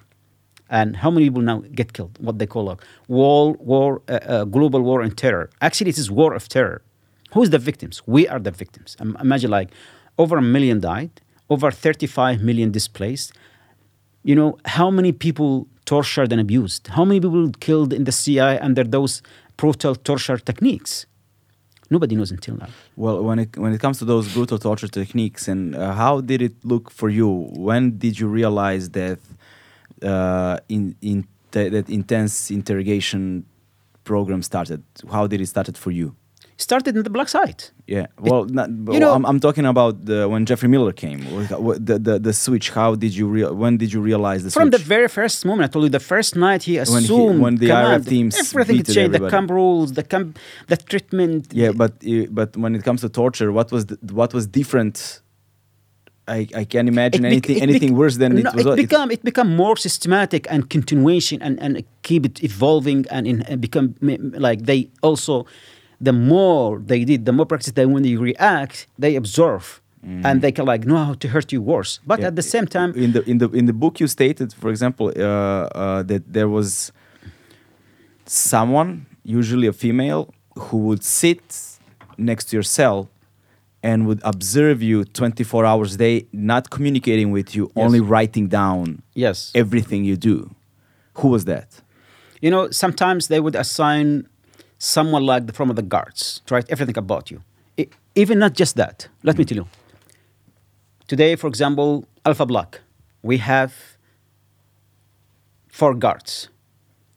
Every day, the guards got instructions. Observe that prisoner. What he asking, what he do, how he spend his time. Okay? Someone would come take the chair and would sit just in front of you and write. Like for a week, for two, what, whatsoever. Not just that. Guards has to write reports when they interact with each prisoner. Hmm. It, also, it was also hard on guards too, not just on us too, because guards they couldn't keep with with the demand from interrogation because it wasn't about like I told you, it's about studying. You become subject, experimenting on, and when I tell you like beca- th- then torture become more systematic and it keeps also uh, enhance the way you react. For example, if when the camp administration or interrogators wants chaos in the camp, what they would do? For example, take the Holy Quran, secrete it, throw it to the floor, and everyone will react because it is something Muslims hold dear. Okay. You know, and no one accept to do that. And that have been over, happening over and over and again. And they kept reset Guantanamo, rotate prisoners. In 2004, things also they they uh, they convert one of the blocks, Romeo Block, as all know Julia. Romeo Block was one of the worst block in Guantanamo. So what they did, uh, I mentioned it in the book when, uh, when they when they opened it, like at that night, they literally took the prisoners. We weren't. We were the worst of the worst, literally, like fighting with the guards, splashing. They didn't take us, the first uh, group. They took the one who stopped talking to the interrogators. They want you to talk, just talk, because they need, they need to get ins- to inside, inside your head. They need to talk. So they would take those prisoners. Some of them were high compliant, very polite. They never caused any problems. They never even cursed the guards. They drag them, strip them naked, and throw them in the, naked in the cells for two weeks, one month. So it was like, it was like a rotation. You have to go through it. Do you understand? Then after in 2004 they opened. Uh, Romeo Block. No, we already talk about it. Uh, Cam five. Okay. Cam five also another another way of of for interrogation. Interrogation. They the first night they took around 70 to 100 prisoner. I wrote about in the book like how they when they took them. We thought when they like also secrecy in Guantanamo. When they came to to to remove them from Camp Camp um, Delta uh, to and Camp Four to uh, uh, Camp Five, we thought they released them. Okay. yeah, It was only a few months later when they, when some of them when they brought some of them back, it was a shock for, of, for all of us, and it was like and we thought Romeo is the worst. Then you have worse with Camp Five. So things get even worse. And in, two, in, in two, when when General Jeffrey Miller was in 2003, they also built built uh, Camp Four. Camp Four, it's like the smile of Guantanamo, a communal camp where they call high compliant prisoners will, will move. They wear uh, white cloth, uh, uniform, live in communal uh, rooms. Uh, they can play soccer pole. This this was the face of Guantanamo. They were like journalists came or delegation or visitors. They would take them to Camp 4. Yeah, this is how we treat them here. And there was like around only 60 or 70 prisoners at that time, maximum. And that was shut down in 2005. We'll go there, basically. So it was also, it wasn't just, like as I told, it was systematic and well organized and well, planned. So basically, around 700 were crushed over and over again, only 70 prisoners. And from the first moment, I told my the prisoners or my brothers, like, no one should go there until we all treat it the same way. So I so yeah, they had the levels of uh, um, of imprisonment, Yeah. basically, uh, and you wrote it in the book. Like the bottom, the, the worst level was like 4S, yeah right? Uh, s- uh, 4S, and then the top one would be like 1A Yeah. or something like this that. is in the this this is was in the camp delta but camp 4 was different camp Yeah. the camp 4 was a medium security camp it there was no levels but in camp delta you have level 1 level 1 plus level 1 level 2 plus level 3 level 4 uh, c b so b you will be totally naked either in solitary confinement or uh, in the uh, camp del- black delta where psycho- psychologists and psych- psychiatrists uh, function. Yeah. but also everything everything like uh, you will be taken to the bla- delta block you will you will be tied naked. You will be given a shot and the the psychology was like the only way you have to talk to your interrogators. Like everything designed for for the interrogation interrogators. Mm. like and different people want different uh, tactics styles and as i told you every like for example you arrive at guantanamo as an uh, as an interrogator and you have your own way of interrogating prisoners. Okay nobody will say no to you. Who's who's like your subjects? So at guantanamo when they call us they when they move us from from black when they call they call for example the package so when they told us you have, uh, they didn't tell us you have interrogation. They said you have a reservation of you have appointment. You don't know where to go. You don't know how long to stay. So basically, every interrogator can do what they want. Some of the interrogators they were in Guantanamo. They were they torture and interrogated uh, Vietnamese Mm. during the war in Vietnam. And those people came to Guantanamo to torture and interrogate us. So why? Because there was no justice what happened in Vietnam. There was no accountability. And have you seen anyone charged or or, or or like held account for what they did? No. So now what we do, what what we are trying to do, we call for the closure of Guantanamo, and the closure mean also to bring justice, which means uh, closing the, the prison, acknowledge that what happened there, also uh, apologize for what, what what have they done to us, and they need we need compensation. They must, they have, because uh, this is when we call justice. Yes. Other than this, there's no guarantee that Guantanamo uh, is not going to happen one, again. one, one thing that uh, really struck me was you were basically a boy when you went to Guant- when they took you to Guantanamo. You were 18 years old. You turned 19 in Black Site, right? And uh, everything that you're telling us right now happened between your 19 to 19 to 23 years old. This is just the beginning, basically. Uh, you had no concept of the world around you. You had no. You were basically just starting your life. You you spent first first first part of your life you spent in the mountains. Then you found out. You know, can I interrupt you here? yeah. You know, in one of my interviews, a question that shocked me and I really cried. Someone in, in the interview like that asked me a question. He said, How did you spend your 20s? And I'm like, What? I really like, What? He said, How did you spend your 20s? When I looked, I said, I don't know. I don't know what 20s even means. Literally. I'm 40 years old. How I spent my 20s and, and, and 30s, I don't know. I don't feel I have ever lived 20s or 30s because I lived my 20s in, uh, in prison, tortured, abused, whatever.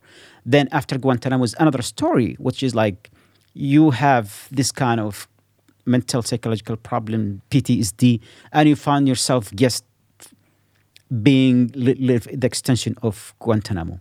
So literally, sorry for interrupting. I'm just like, this is the thing that hit me when people say you live that, but when you said you live this, I was like, I don't know. I was just a lost, confused, hurt soul and live in those cages, move from place to place.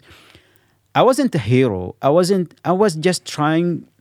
I was just reacting to whatever they threw at me. Yeah, but one thing that struck me reading your book, you know, at the moment, from the moment the the from the moment the warlord captured captured you, and from the moment you know your story actually begins, from Black Sites to Guantanamo, right? The first moment you uh, you you meet with the with your the first moment the reader meets your destiny and the first moment when they're introduced to tortures and to interrogations and stuff like that it's a huge shock you know it hits you like a freight train it just it just obliterates you. And it's really difficult to read those experiences and go through them. But then happens something really then something really weird happens. There's so much of it that you in a weird way don't don't don't get me wrong please you know in a weird way you got kind of accustomed to the torture again and again all over and over and over again. And the moments that really shine in the in the writing are not the tortures anymore. They're not what you know they become like a normal thing throughout the book. The thing that starts to rise above those tortures are those small moments. For example, uh, uh, the things that struck me worse than, than, than, than tortures was the moments when you realized you are near the water, but you couldn't see the water. That kind of felt more heavy than any torture you described. Um, the moments when you met the iguanas. Yeah, you know, iguana, yes. you know, the moments you met the iguanas. You know, uh, the moment you heard the nightingale yeah and the solitary confinement in yeah. solitary confinement you know th- those kind of moments they kind of make the story you Be- know because torture is so out of the fuck sorry so out of mind so insane so hard to comprehend you know it's it's almost it's almost like it's not a human experience. You know it's almost it, it's it's it's truly unbelievable.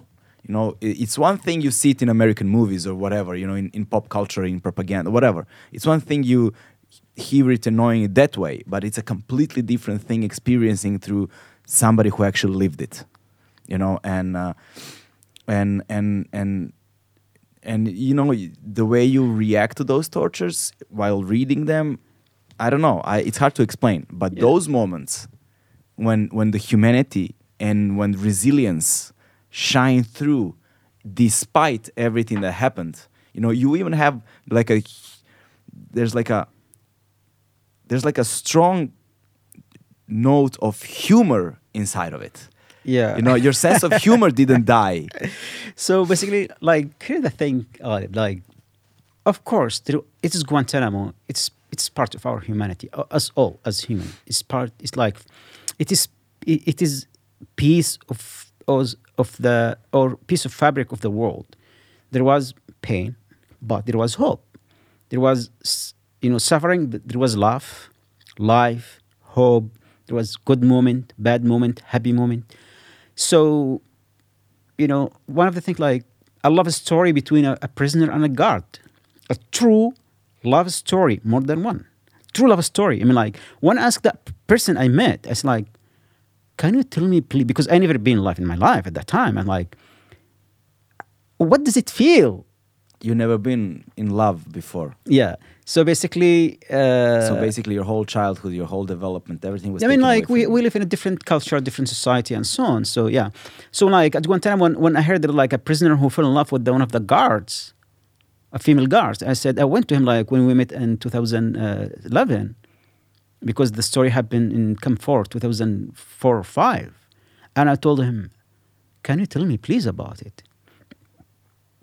Because I need to find some. What does it feel? I feel something, but you really know what feels. So I told him like, how you guys? It just it doesn't it didn't make any sense for me. Like, she consider you your enemy, you are a prisoner. He said, look, love does not play by our rule. And he showed me like a full notebook of letters between the, the, them and like a lot of poems. And he's still in Guantanamo. He was killed in 2009. And like I have around 80 pages of, of his uh, poems. So this is one of the stories. There was also like, as I told you, a friendship, a bro- brotherhood. There was like friendship with guards, with come, with the, some of the camp stuff. Like I think our humanity is stronger than anything. In the book, sorry, I brought, I tried to to shed light on our the shared humanity we have. Also, I want, I tried to bring the readers to inside the the the the, the, the, the, detention. Trust me, we uh, we uh, when I was working with my editors, I was keen that we would only twenty percent of the hardship and, and so on because I want to try something different. When I started writing that book at Guantanamo, you know, the first time I, I wrote it, it was taken, confiscated. So we are going to talk in details how I wrote the book, how we managed to get it out. The second time I wrote it as legal letters to my lawyer. I would go to the classroom, chain, like my my legs would be chained in one hand, and I would write like le- as legal letters. So I would send like now and then 10, 20 pages. My lawyer collected all the letters. I would send to different lawyers. I have two lawyers. Then she collected them and they, she get them approved. So this is the way how we get the book out. So writing the book's another story, but at the same time, I want to write a book about us all. It's not just prisoners. It's about uh, prisoners, guards, camp staff, animals, about Guantanamo itself, about those moments, what make me like that our humanity uh, shine. Yeah, and um, how uh, it the let let's tell a story about um, when you realized when you when you were moved to another part of the prison, and then you realized that you are next to water. So you could hear waves from time to time, but you weren't able to see them. Let me correct myself. You, at first, you were like making holes in a mesh or whatever. What's what yeah, there's a tarp, green tarp. yeah, yeah, green tarp, and Yes. so you could see like small portions of the ocean, right? And then they would just Yes. just put another uh, ring of uh, of security, so you so they can block your your view. You know, like being kept in long time, deprived of the smallest thing in your life, especially like in strategic confinement. Sometimes, most of the time, we didn't get to breathe fresh air or the air from the They would put some kind of uh, uh, smells close to the AC, which like we can smell it all day. Really bad smell. So when I when when I used to go to the rickyard, I could hear the wave of the ocean. So uh, we sometimes, or most the time, I could smell the sea. You know, some sometimes the sea Yeah, smells. the salt from the sea. Y- Yeah, and like when I went to the rickyard, like sometimes I would lay in my stomach and like look there, I could see the sea. It's like it's like the most beautiful scenery ever. Like those moments, I will never forget it because those moments came at the time wh- when when you were in despair. You need something, like the iguana was come. Like our my friend the iguana, the princess, or this kind of small moments that give you push, that give you hope, that preserve you. So when I asked the reg, I would like open like there's there's like the the the, the mesh fence like mm. covered with tarp. I would tear down the tarp and lay in my stomach and keep just watching. So I used to do it like it was our secret. yeah. and also also because you were forbidden for example to stand up you were forbidden to talk but you found a way how to communicate many different ways to communicate i would like to- you to tell those stories about how you communicated even though it was forbidden you know, like in, in the blacks, we weren't allowed to talk to each other, in solitary confinement. Sometimes we were sang, sing. Like uh, the Nightingale, when he was singing, like it was beautiful uh, sound and it brings really tranquility to your heart. So we were forbidden to talk. So we pretend that we were singing. Ah, okay So, and that's how you communicate. Also, at the same time. can you sing Do- yeah, we can sing Guantanamo song. For example, here is one other thing like uh, in, in 2000, by the end of this 2002 and 2000, uh, uh, like uh, onward, we, when uh, uh, intense interrogation were taking places, we used to sing for each other. Like, and if they would take someone to the interrogation or to somewhere he's leaving the camp or the block, or he's leaving Guantanamo, we would sing for him like while they were walking while walking the block, holding by two, two guards. Sometimes they like hold it. I would say, روح روح مع السلامة Allah يزيدك أمن وسلامة which mean go go with peace may Allah grant you more peace and safety and when they bring someone back from interrogation or from any place or moving from camp from a block were like حبا حبا باللي جا باللي جا يا مرحبا باللي جا باللي جا imagine 200 150 prisoners sing in two or three blocks at the same time it was like thunder Yeah. However, interrogators and campus staff and guards took that as a challenge. They would close the windows, they would punish us. Sometimes they would deprive from a meal or like they didn't give us some certain uh, bread, whatever. And one of the interrogators recorded the the songs. And whenever he started his own uh, PC, he said it, it would sing for me, Haba, Haba, Billija, Billija. So I remember one of the one of the brothers when they arrived from uh, Kandahar to Guantanamo, we knew like we could we could hear like there would be like there would be like seas moving in the camp, and we could hear when they take them through the process station, because we could hear the the, the, the, rattling uh, chain, and we knew there's a new group, and and the guards would close would close the windows and would stop from talking and.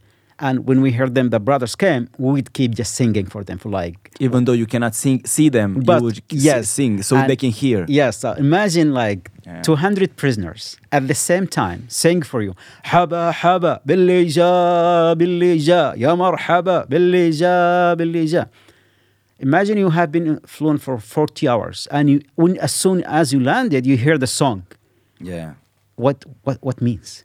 So they said, It's a lifeline. It's they said it took all the pain, you know, because hearing those not just voice, it was like a thunder voices, you know, like there is Like like chanting. chanting, it's challenge, it gives it's empowering and it hearing that in that in that situation. Also, the brothers they told like we thought you guys living in kind of like uh, a hotel or some like a beach wherever. Yeah. So when they brought him like later like remove the hood, we heard you sing. He said, "Yeah, we just welcome you guys." Yeah. So this this kind of moment. So like, I you know the humanity uh, humanity journal just published my uh, uh, uh, article about the beautiful Guantanamo. Yeah. I wrote about how those different culture and different mindset and different you know from different countries arrived at Guantanamo interacted and melted and become Guantanamo culture. I call it the beautiful Guantanamo. I extracted all the, the bad things, all the, uh, the Yeah. torture and so on. And I think this is one of the best articles I wrote about uh, Guantanamo. It just focus on this. Uh, Y- and and that's one of the most amazing things you know regarding because it doesn't matter how difficult it gets it doesn't matter how impossible it gets it doesn't matter how dark and hopeless it gets you know there's still some cracks through which the light can shine on you know you kind of i don't know uh, you know the way the, the way I see it, I'm not saying I know it. it's, you know, uh, I'm far from it. But you know, it looked like they were trying to break you, but you were not broken. You know, there was like like like some straw of hope of hope that you kind of managed to cling on over so so much time because there's one thing we haven't touched yet, and that's it's a lot of things. there's a lot of things, yeah, but within this conversation Yes. specifically, um, the realization that comes over time that you'll that you're still there, and you know there is and there's no end in sight, you know, in the first days. And you you say you know, I'm not I'm not just No. so, for, so for people listening. It's not me imagining things. It But was you it is- telling it- the things in It the is book. one of the worst and painful thing we live at Guantanamo being kept forever knowing nothing. Like, here's the thing. I don't know why I was there, or until when, or what would happen to me, or to where I'm going to be released. Yeah. Knowing nothing. It's one of the worst things because you you can't just you don't know what to expect. You, you don't know how to hope. Like sometimes like someone like try to steal your hope. Because if someone gives you like 20 years or 15 years, this is a target, but you don't know. Could be tomorrow, could be maybe never, could be could die. Because we haven't talked about hunger strike force feeding, the death at Guantanamo.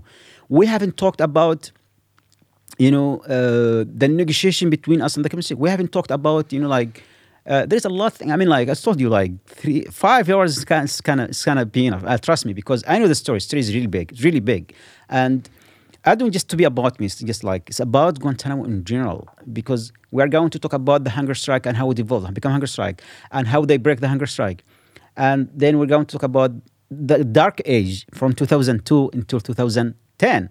Then we're going to talk about the golden age, how the interrogators, interrogation change. They become your friends. Even the rooms become like refrigerators, TVs, PS3, and they become bring food and eat with you. Those interrogators yesterday they were torturing you. Now they become your friend. So basically, like uh, in 2004, uh, the first lawyer arrived at Guantanamo, and at that time, even before the arrival of the lawyers, there was something called uh, administrative administrative review boards, like military commissions, Mm-hmm. where like they took all the prisoners and classified them as enemy combatant, without lawyers, without any legal representa- representation. It's just like you go before those uh, military commissions. They said, yeah, we they like it's like way of interrogation. Ask a question. They said, okay, based on that, you are enemy combatant to the United States and its allies. A few months after that, first group of uh, lawyers arrived, and it was hard to trust them because again, Americans we didn't know who's, who. Only American lawyers were allowed to come there. ICRC was I met ICRC first in in Kandahar. Uh, let's tell people who are RCIC is. RC, RC, RC. ICRC, it is- ICRCR. It is uh, uh, international Red Committee- Cross. Yeah, Red Cross basically, International Committee of the Red Cross. So basically, they were in Guantanamo. They were in Kandahar. They were in Guantanamo. In Guantanamo, we officially asked them to leave because we told them we they they watched what happened in there, and I told them guys. Geneva Convention should be should apply here. You are not part of the Geneva Convention. They said, "Look, we are here, and we have signed some. We have signed some document to the Americans. We are not going to disclose anything."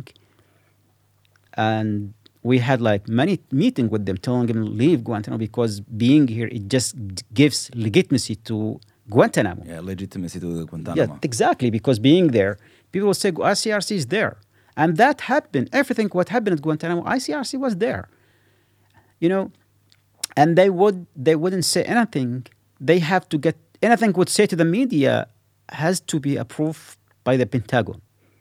So we spent years and years and years boy- boycott the, the ICRC. Even I refused to send the letters to my family because at the same time we want, we want them to leave. Uh, in 2000, in 2005, when the situation got only worse every year after year, we managed to organize a massive hunger strike. We did many hunger strikes from 2002 into 2005, but in 2005, we managed, we found a way how to communicate. It took us some times, but we went in massive hunger strike. So um, um, we didn't have much time, so I can go in details. But at that time, we managed to force the administration to come and talk to us. But it was just a trap. It was only matter of two months until the uh, Congress approved the force feeding. What I mean, the force feeding, they would bring uh, thick tubes, put it through our noses to our stomach, and they would put like liquid nutrition called Ensure, put it through the, those small bags. The- what was the nutrition called? Ensure, Ensure. Ensure, like E N C U S R E. Okay. So basically, they would Ins- ensure. yeah, Ensure. insure, yeah. And they would put it like feed us that twice a day. And in 2006, it was the worst years in Guantanamo. Uh, well, just a second. How, how would they? Uh, so so they would take you out of your cage, Ourselves, with ourselves. either like you walk. If you refuse to walk, they will bring the IRF teams, and they have they have what they call uh, a force feeding a chair. It's like a torture chair with like eight point restrict uh, restraints. Your our heads like that, and there was like two. Your heads will be pushed back. It will be tied to the chair. Our Tied to heads- the chair, Our okay. heads, our shoulders, our hands, our waist, our legs. You can only breathe, literally. You cannot move, you cannot do anything. You can only your eyes move. and they would put like uh, mask over our mouth, spit or anything. Then medical nurse or corpsman or sometime guards, they would bring like a, a thick tube, put it through our noses like this. The nose would go down, down to our stomach, and then it was like connected to a small bag, and they will start pouring Ensure. They did this twice a day. They do twice a day. Some of us, I spent three years like that. Some of the prisoners spent 10 to 15 years on force feeding. And You spent three years. It's nothing. only force fed. it's nothing. Just a second. You spent three years Yeah. being force fed like that twice a day, Yes, every time, every day. every day. So some of the prisoners spent five years, 10 years, some of them 15 years. 15. 15 years. Uh, no exaggeration. They The know nothing else now. you know, it's the only thing you can do. And uh, the American keep it secret until like they, they never talk about it. And they do call it, they do call it in hunger strike. They call it non-religious long fasting. And they, they kept always hiding the numbers. So if we just talk about hunger strike, we need just another three hours. How it started, how we developed, how we managed to have like effective hunger strike. Then in 2006 was one of the worst years. What happened? In 2006, when the when the White House, the Pentagon saw that we went in massive hunger strike that embarrassed the U.S. government, what they did, they sent a new camp administration, a new staff, and new soldiers, and new interrogators, and they sent someone called Zach. Sa- Zach, because in 2003, as I told you, they they arrested the culture the the, the, the, the Muslim chaplain. Now they replace him with someone called the culture advisor, Zach. Zach is a torturer. He was in Iraq with General Jeffrey Miller and was recommended to the Pentagon by General Jeffrey Miller to work at Guantanamo as culture advisor. We call him the torture advisor. So when this new group arrived into in 2006, what they did, their mission to bring the, pris- uh, the prison and prisoners under control. So what they did first, first of all, they broke our hunger strike. We were the force feeding; it became not not force feeding anymore. They they put us in solitary confinement, and they brought piles of Ensure. They just keep pour, pouring Ensure one after another, five times a day, no sleep, beating. They sent a special medical team to do this. We had we couldn't survive for five days. We couldn't because one of the most interesting uh, person now who was at that time and he was watching that happening ron DeSantis. ron DeSantis, he's uh, florida governor he was in guantanamo as a JAG officer and i talked to him he was there while i was force fed he was watching that and he might be uh, run for us uh, presidency this uh, in 2024 so they broke the hunger strike in 2006. They succeeded. They punished all the prisoners in Camp 5. They removed all the staff. They put them just in, in, in, the, in, the, in the concrete. Then after that, uh, they shut down Camp 4, the medium security camp. You know, they usually search Camp 4, but that day, they went there with full ge- geared soldiers.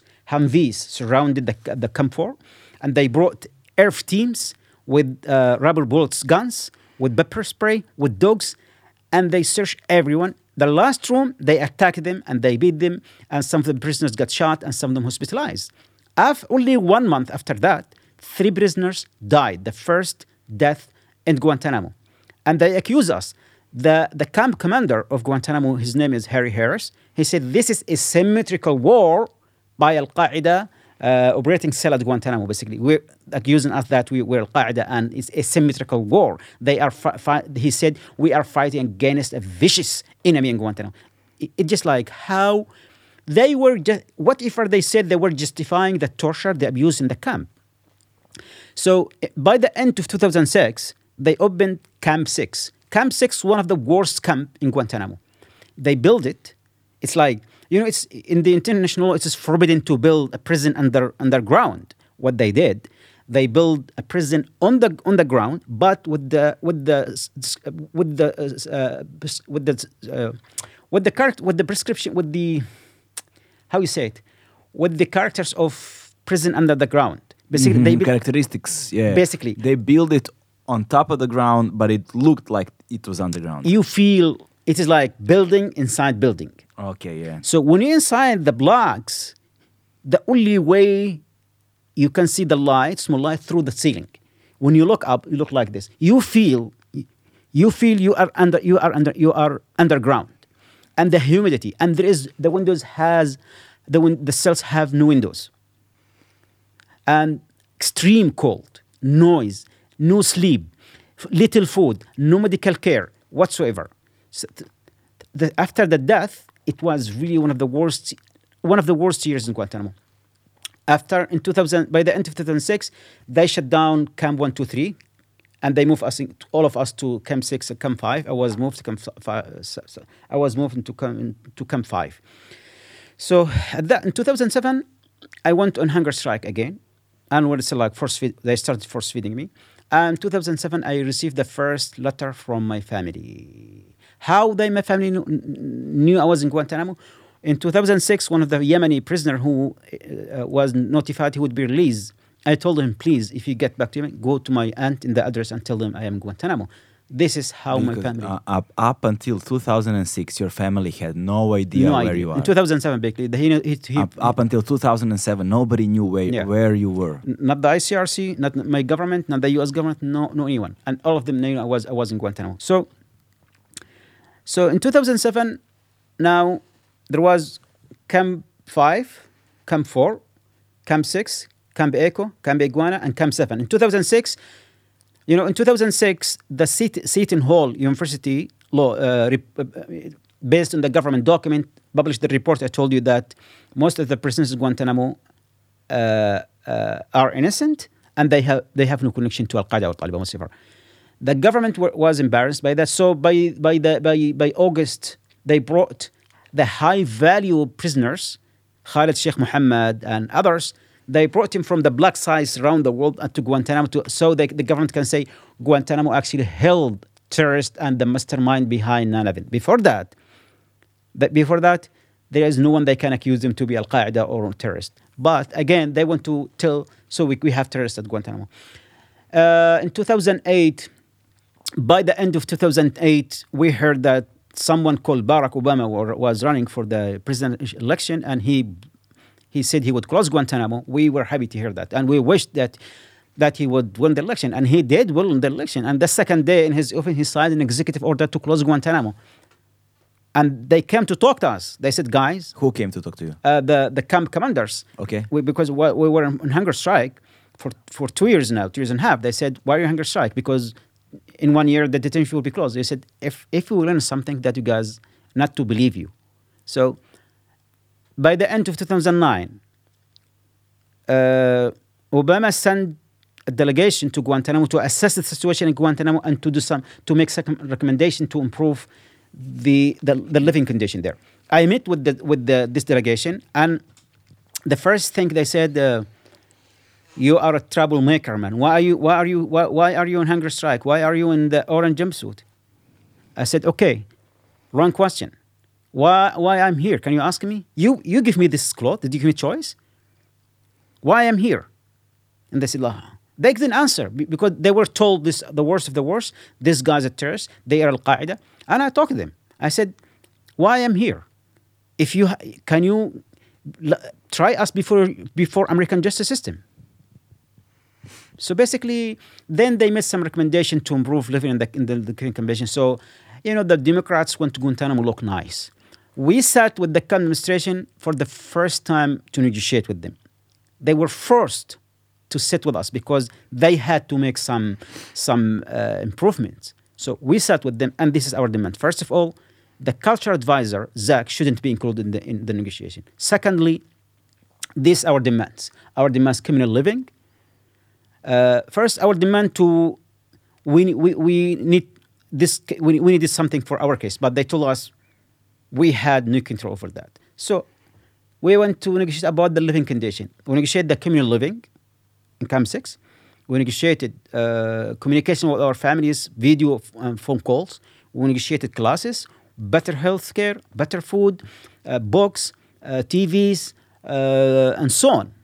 So most of that met, and we have to fight for it. So after the negotiation, we many of us like I think we all stopped the hunger strike. So Yeah. it, because our hunger strike wasn't meant for us to die, or because we need to improve the living condition, and at least first step was to improve the living Yeah. condition. Then secondly, to to start doing something about case. In 2007, there was another death. In 2009, there was another death. In 2011, there was two deaths. In 2012, there was another death. So basically, uh, 2010 and 2013, we called it Guantanamo the Golden Age. We were moved from solitary confinement to communal living. Imagine, Ghalib, yesterday you were treated the worst of the worst. Now you are being treated better, and guard call you sir. Campus staff meet with you and shake your hands. Yesterday, sh- shaking hands was forbidden, was, was a crime. You will be punished. You will be thrown in solitary confinement for a month. Today, they came to shake your hands. Interrogation also become volunteers. If you want to go to interrogation, you will get like incentive items. There will be chocolates, clothing, shampoo, sandals, stuff like uh, movies, CDs, songs, games. You- basically, you have like around 300 budget, but not in cash stuff. So the interrogation rooms, they also changed. Instead of being like a torture chamber, it become like nice rooms with microwave, microwaves, um, refrigerator, TVs. Interrogators would bring some food and they would call you my friend and would shake, shake hand with you. And they will only restrain uh, one leg and be free. So also at the same time, everything could change, you know. And we started classes, classes in English, art classes. Yes, that's what I wanted to ask you because uh, in the book, uh, in the first few years of Guantanamo, you needed the you needed an interpreter, in, interpreter, uh, because you you you didn't speak English at all. Uh, English was a new language for you, but now you and me now we speak. Now we you know, talk, you know we have a conversation in English. So when did you learn English? So when I moved to th- to communal living in 2010, so when I looked at myself, I always want to to study and to educate myself and to be a better person.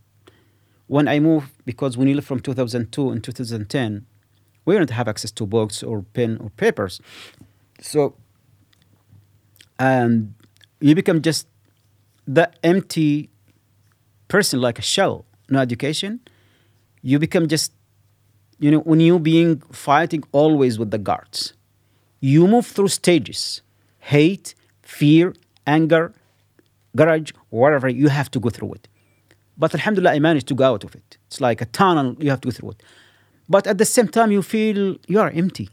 And when, when I looked at myself, I said, I don't want to be that person the rest of my life. No, I, I was scared. You know, this is the one of the, the, the thing that really scares me to be that person like nothing, empty you know so i started focus on learning uh, english uh, uh, with the guards i had a, the first book was uh, round, uh, the world in 80 days. Yes, I know the book. and it took me six months to finish it. So the guards and brothers would laugh at me all the time. Mansoor the guy finished the book and uh, He ran- went around the world in 80 days. wanted to finish. I said look i haven't i haven't found my, my sweetheart. When i did i will finish my journey. So I used to learn with the guards. Also, I- one of the blessings we have in Guantanamo, one of the prisoners, uh, a Pakistani businessman, who actually was our mentor and, to- and, and teacher, and with him we studied business and English, and we prepared this. Uh, Feasibility report. yeah, for business plan. And if you want, you can ta take a look and sh- show the camera later. And it's in Arabic and English. So we, we, we studied bus- uh, uh, English and business at the same time, and we published this uh, this report. It was published also in the Miami Miami, Miami Herald. So then I also I wrote my my first my fir- two books. One of them a documentary book, and the other one the book you the book you you see here now. Don't forget us here. Yeah. And originally that book was written from 2010 to 2013. In 2000 During the golden years. yes, in 2013, however, something happened. What happened? Uh, the army came in 2012 and took over the camp. So they weren't happy how the way we live in, in, in, in this time. So what they did, uh, they started making a lot of problems in the camp because they, they, they, they weren't happy because when you talk to them, they said, you guys have a lot here. You have classes, community living, TVs, newspaper, books, DVDs, and, and so on. I, I told them, they said, Your life here is better than the prisoners in the United States. I said, Look, if you want to talk that way, those men never kidnapped, never tortured. They were sentenced. They were had access to lawyers, and they were they were they were they, they had a chance to challenge their their their uh, uh, imprisonment. Give me that. Take it and give me that. Are you ready? They, he told me, I'm not here. I'm here just to make sure to keep you alive. And I told him, okay. I'm- told him, shut the fuck up then. You, you look about the stuff I have, and they actually they what they did. They want they wanted to close the the the, the camp, living camp, then and when they started harassing us, taking our stuff, we went in peaceful protest. So and they we spent like one month on hunger strike again by 2012, and they came one day and they again same way they didn't came in 2005. They brought Humvees, shotguns, dogs, and they raid all the blocks. They destroyed everything, and again Guantanamo was reset again, and we had to go through hunger strike and force feeding and torture and abuses over and over again All over again. all over again. And in 2000, when Obama came to uh, White House in 2009, they did what they they did what they call administrative review board, and they cleared many of the prisoners because obviously there was no crime and there, there were there was no evidence on there was whatsoever. In 2013, Obama also announced again that he would close after, after our hunger strike that he would close Guantanamo and he activated what they call PRBs, uh, uh, Periodic Review Board, and that you know in 2013 we had also massive hunger strike, and it was the most effective and successful. Successful. We we lost everything, literally everything was taken. But I told my brother sometime, in order to win, you have to lose everything. So Obama, after that, the Congress left uh, ban from releasing uh, prisoners, especially Yemenis. Um, Obama came and he announced that he closed Guantanamo. They uh, reactivated the periodic review board or board of PRBs, and after that, delegation from countries is the process how release prisoners came to Guantanamo meet, meet with prisoners, and in 2014, prisoners start leaving Guantanamo. I was, you know, the, I was uh, cleared in 2000 by the end of 2015. In 2016, I was released. The process of releasing prisoners, however, is you should go before the periodic review board, and they assessed assess your behavior in the camp. That I was one of the worst, the worst of the worst, not because I have done anything or I have committed a crime. No, it was my behavior in the camp. Because in 2006, when they started the review, um, the administrative military um, um, administrative reviews, what they did to us in 2006. I want them. I cursed them. I challenged them. I said, "I am. I, I will be. It was. It will be my honor to be American enemy." Because what they did to us, that uh, the de- the death of my of my three three brothers and so on, I was like literally angry. In 2015, they were How did your brothers died? three brothers died in Guantanamo. Uh, brothers from Yeah. the Yeah, from the uh, not, not literal Yes, brothers, but basically yeah. those men, three men, were found dead in their cells, hanged, their hands tied behind them, their legs tied, and their necks were broken. They, there was a piece of cloth inside their uh, mouth. Some of them broken uh, uh, teeth. One of the guards wrote a book called "Murder in Camp Delta," and he said those men were actually killed by interrogators. So basically the process also of releasing the prisoners uh, it is like you have to go through this kind of periodic review board assess your case and they have to agree unanimously this uh, periodic review board are like fbi cia department of justice homeland security and so on. And after that you got delegation would come from different countries from and they would meet you and they would talk to you and they would say yes we take the prisoner or no, or no. so you get released uh, out of guantanamo. Until here we can say our story is finished Yeah. then second part we're going to talk about life after guantanamo yes, yes, that's a, that's a long story, but um, I want to know.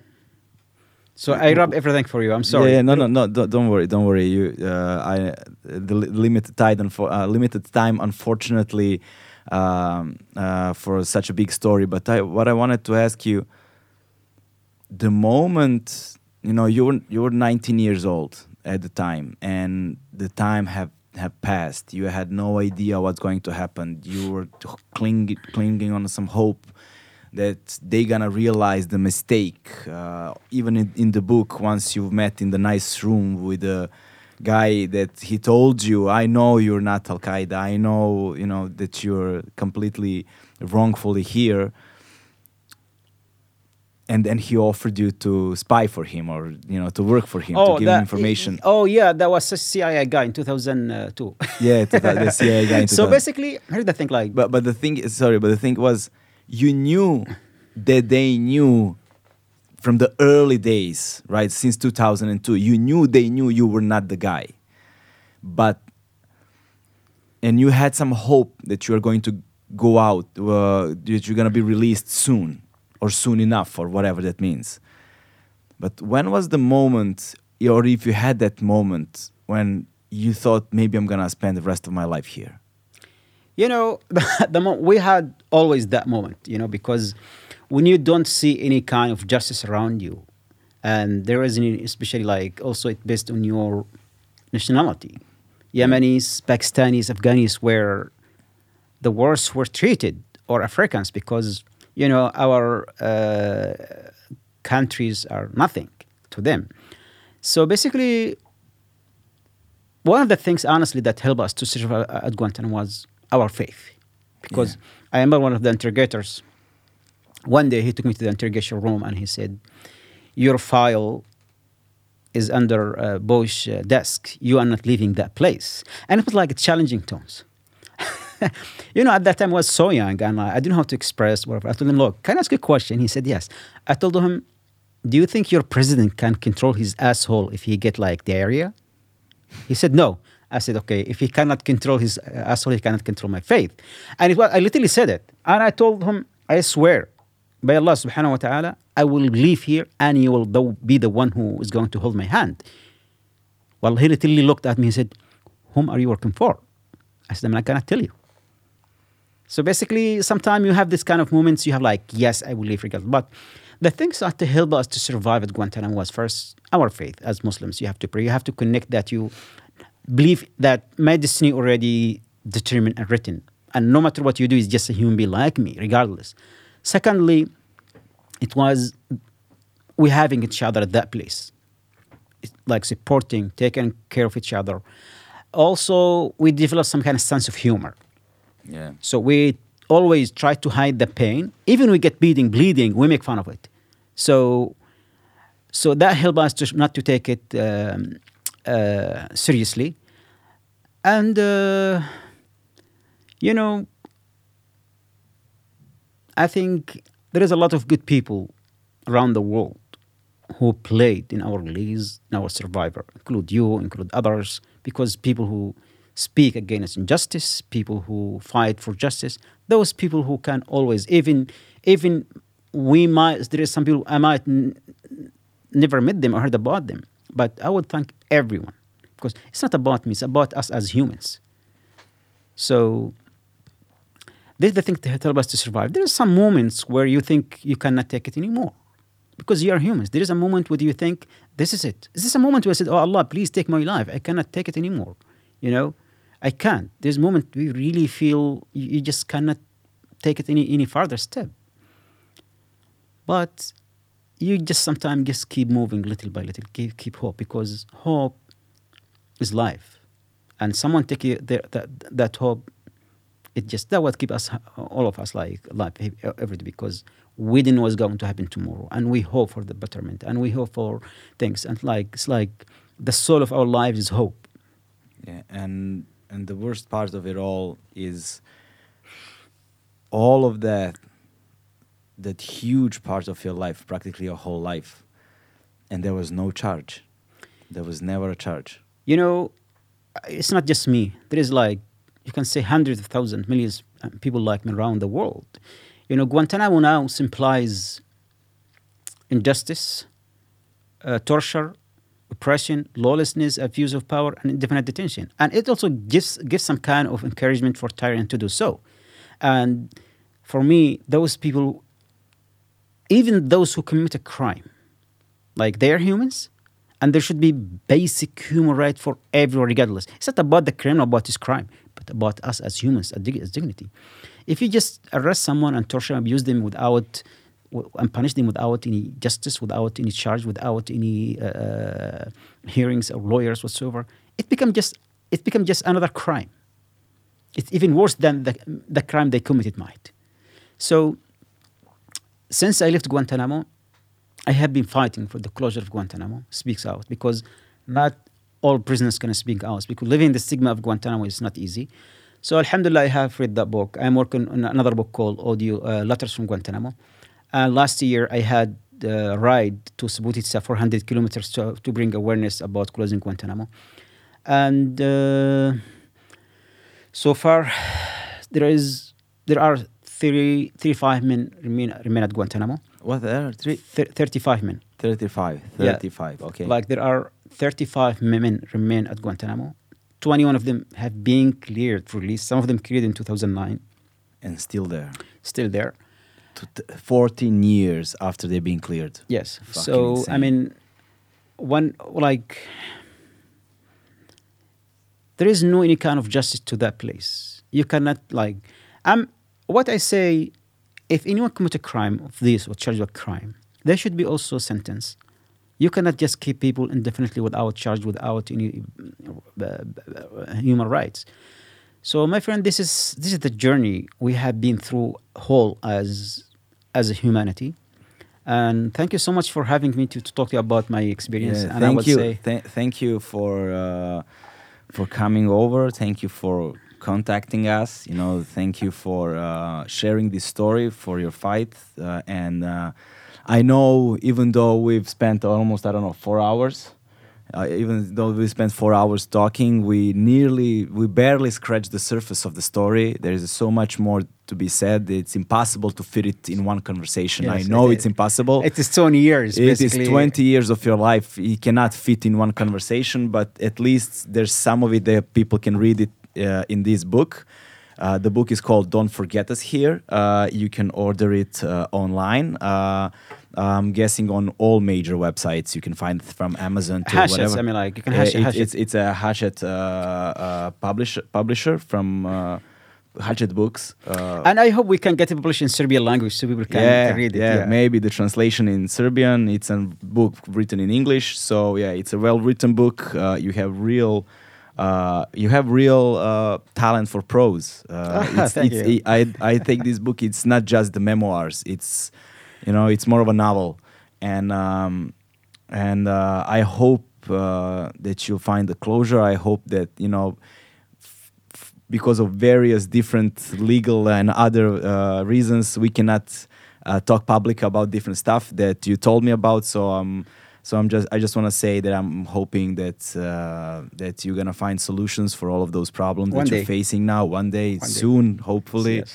and um, and you know you have you have a whole life ahead of you, and uh, really hoping that it's gonna be a lot different than it was up, up until this point. So you know you are a very resilient man. Thank you You're so a much. very re- resilient man. One of, one of the toughest men I have ever met, and uh, you know your story is amazing. Thank you for that. Thank you so much, and thank you for your uh, audience, listeners, and I really appreciate talking to you, and hope we can meet again soon. We'll, we will. don't don't worry about it. Thank you. Thank you. Thank you. Goodbye. Assalamu alaikum.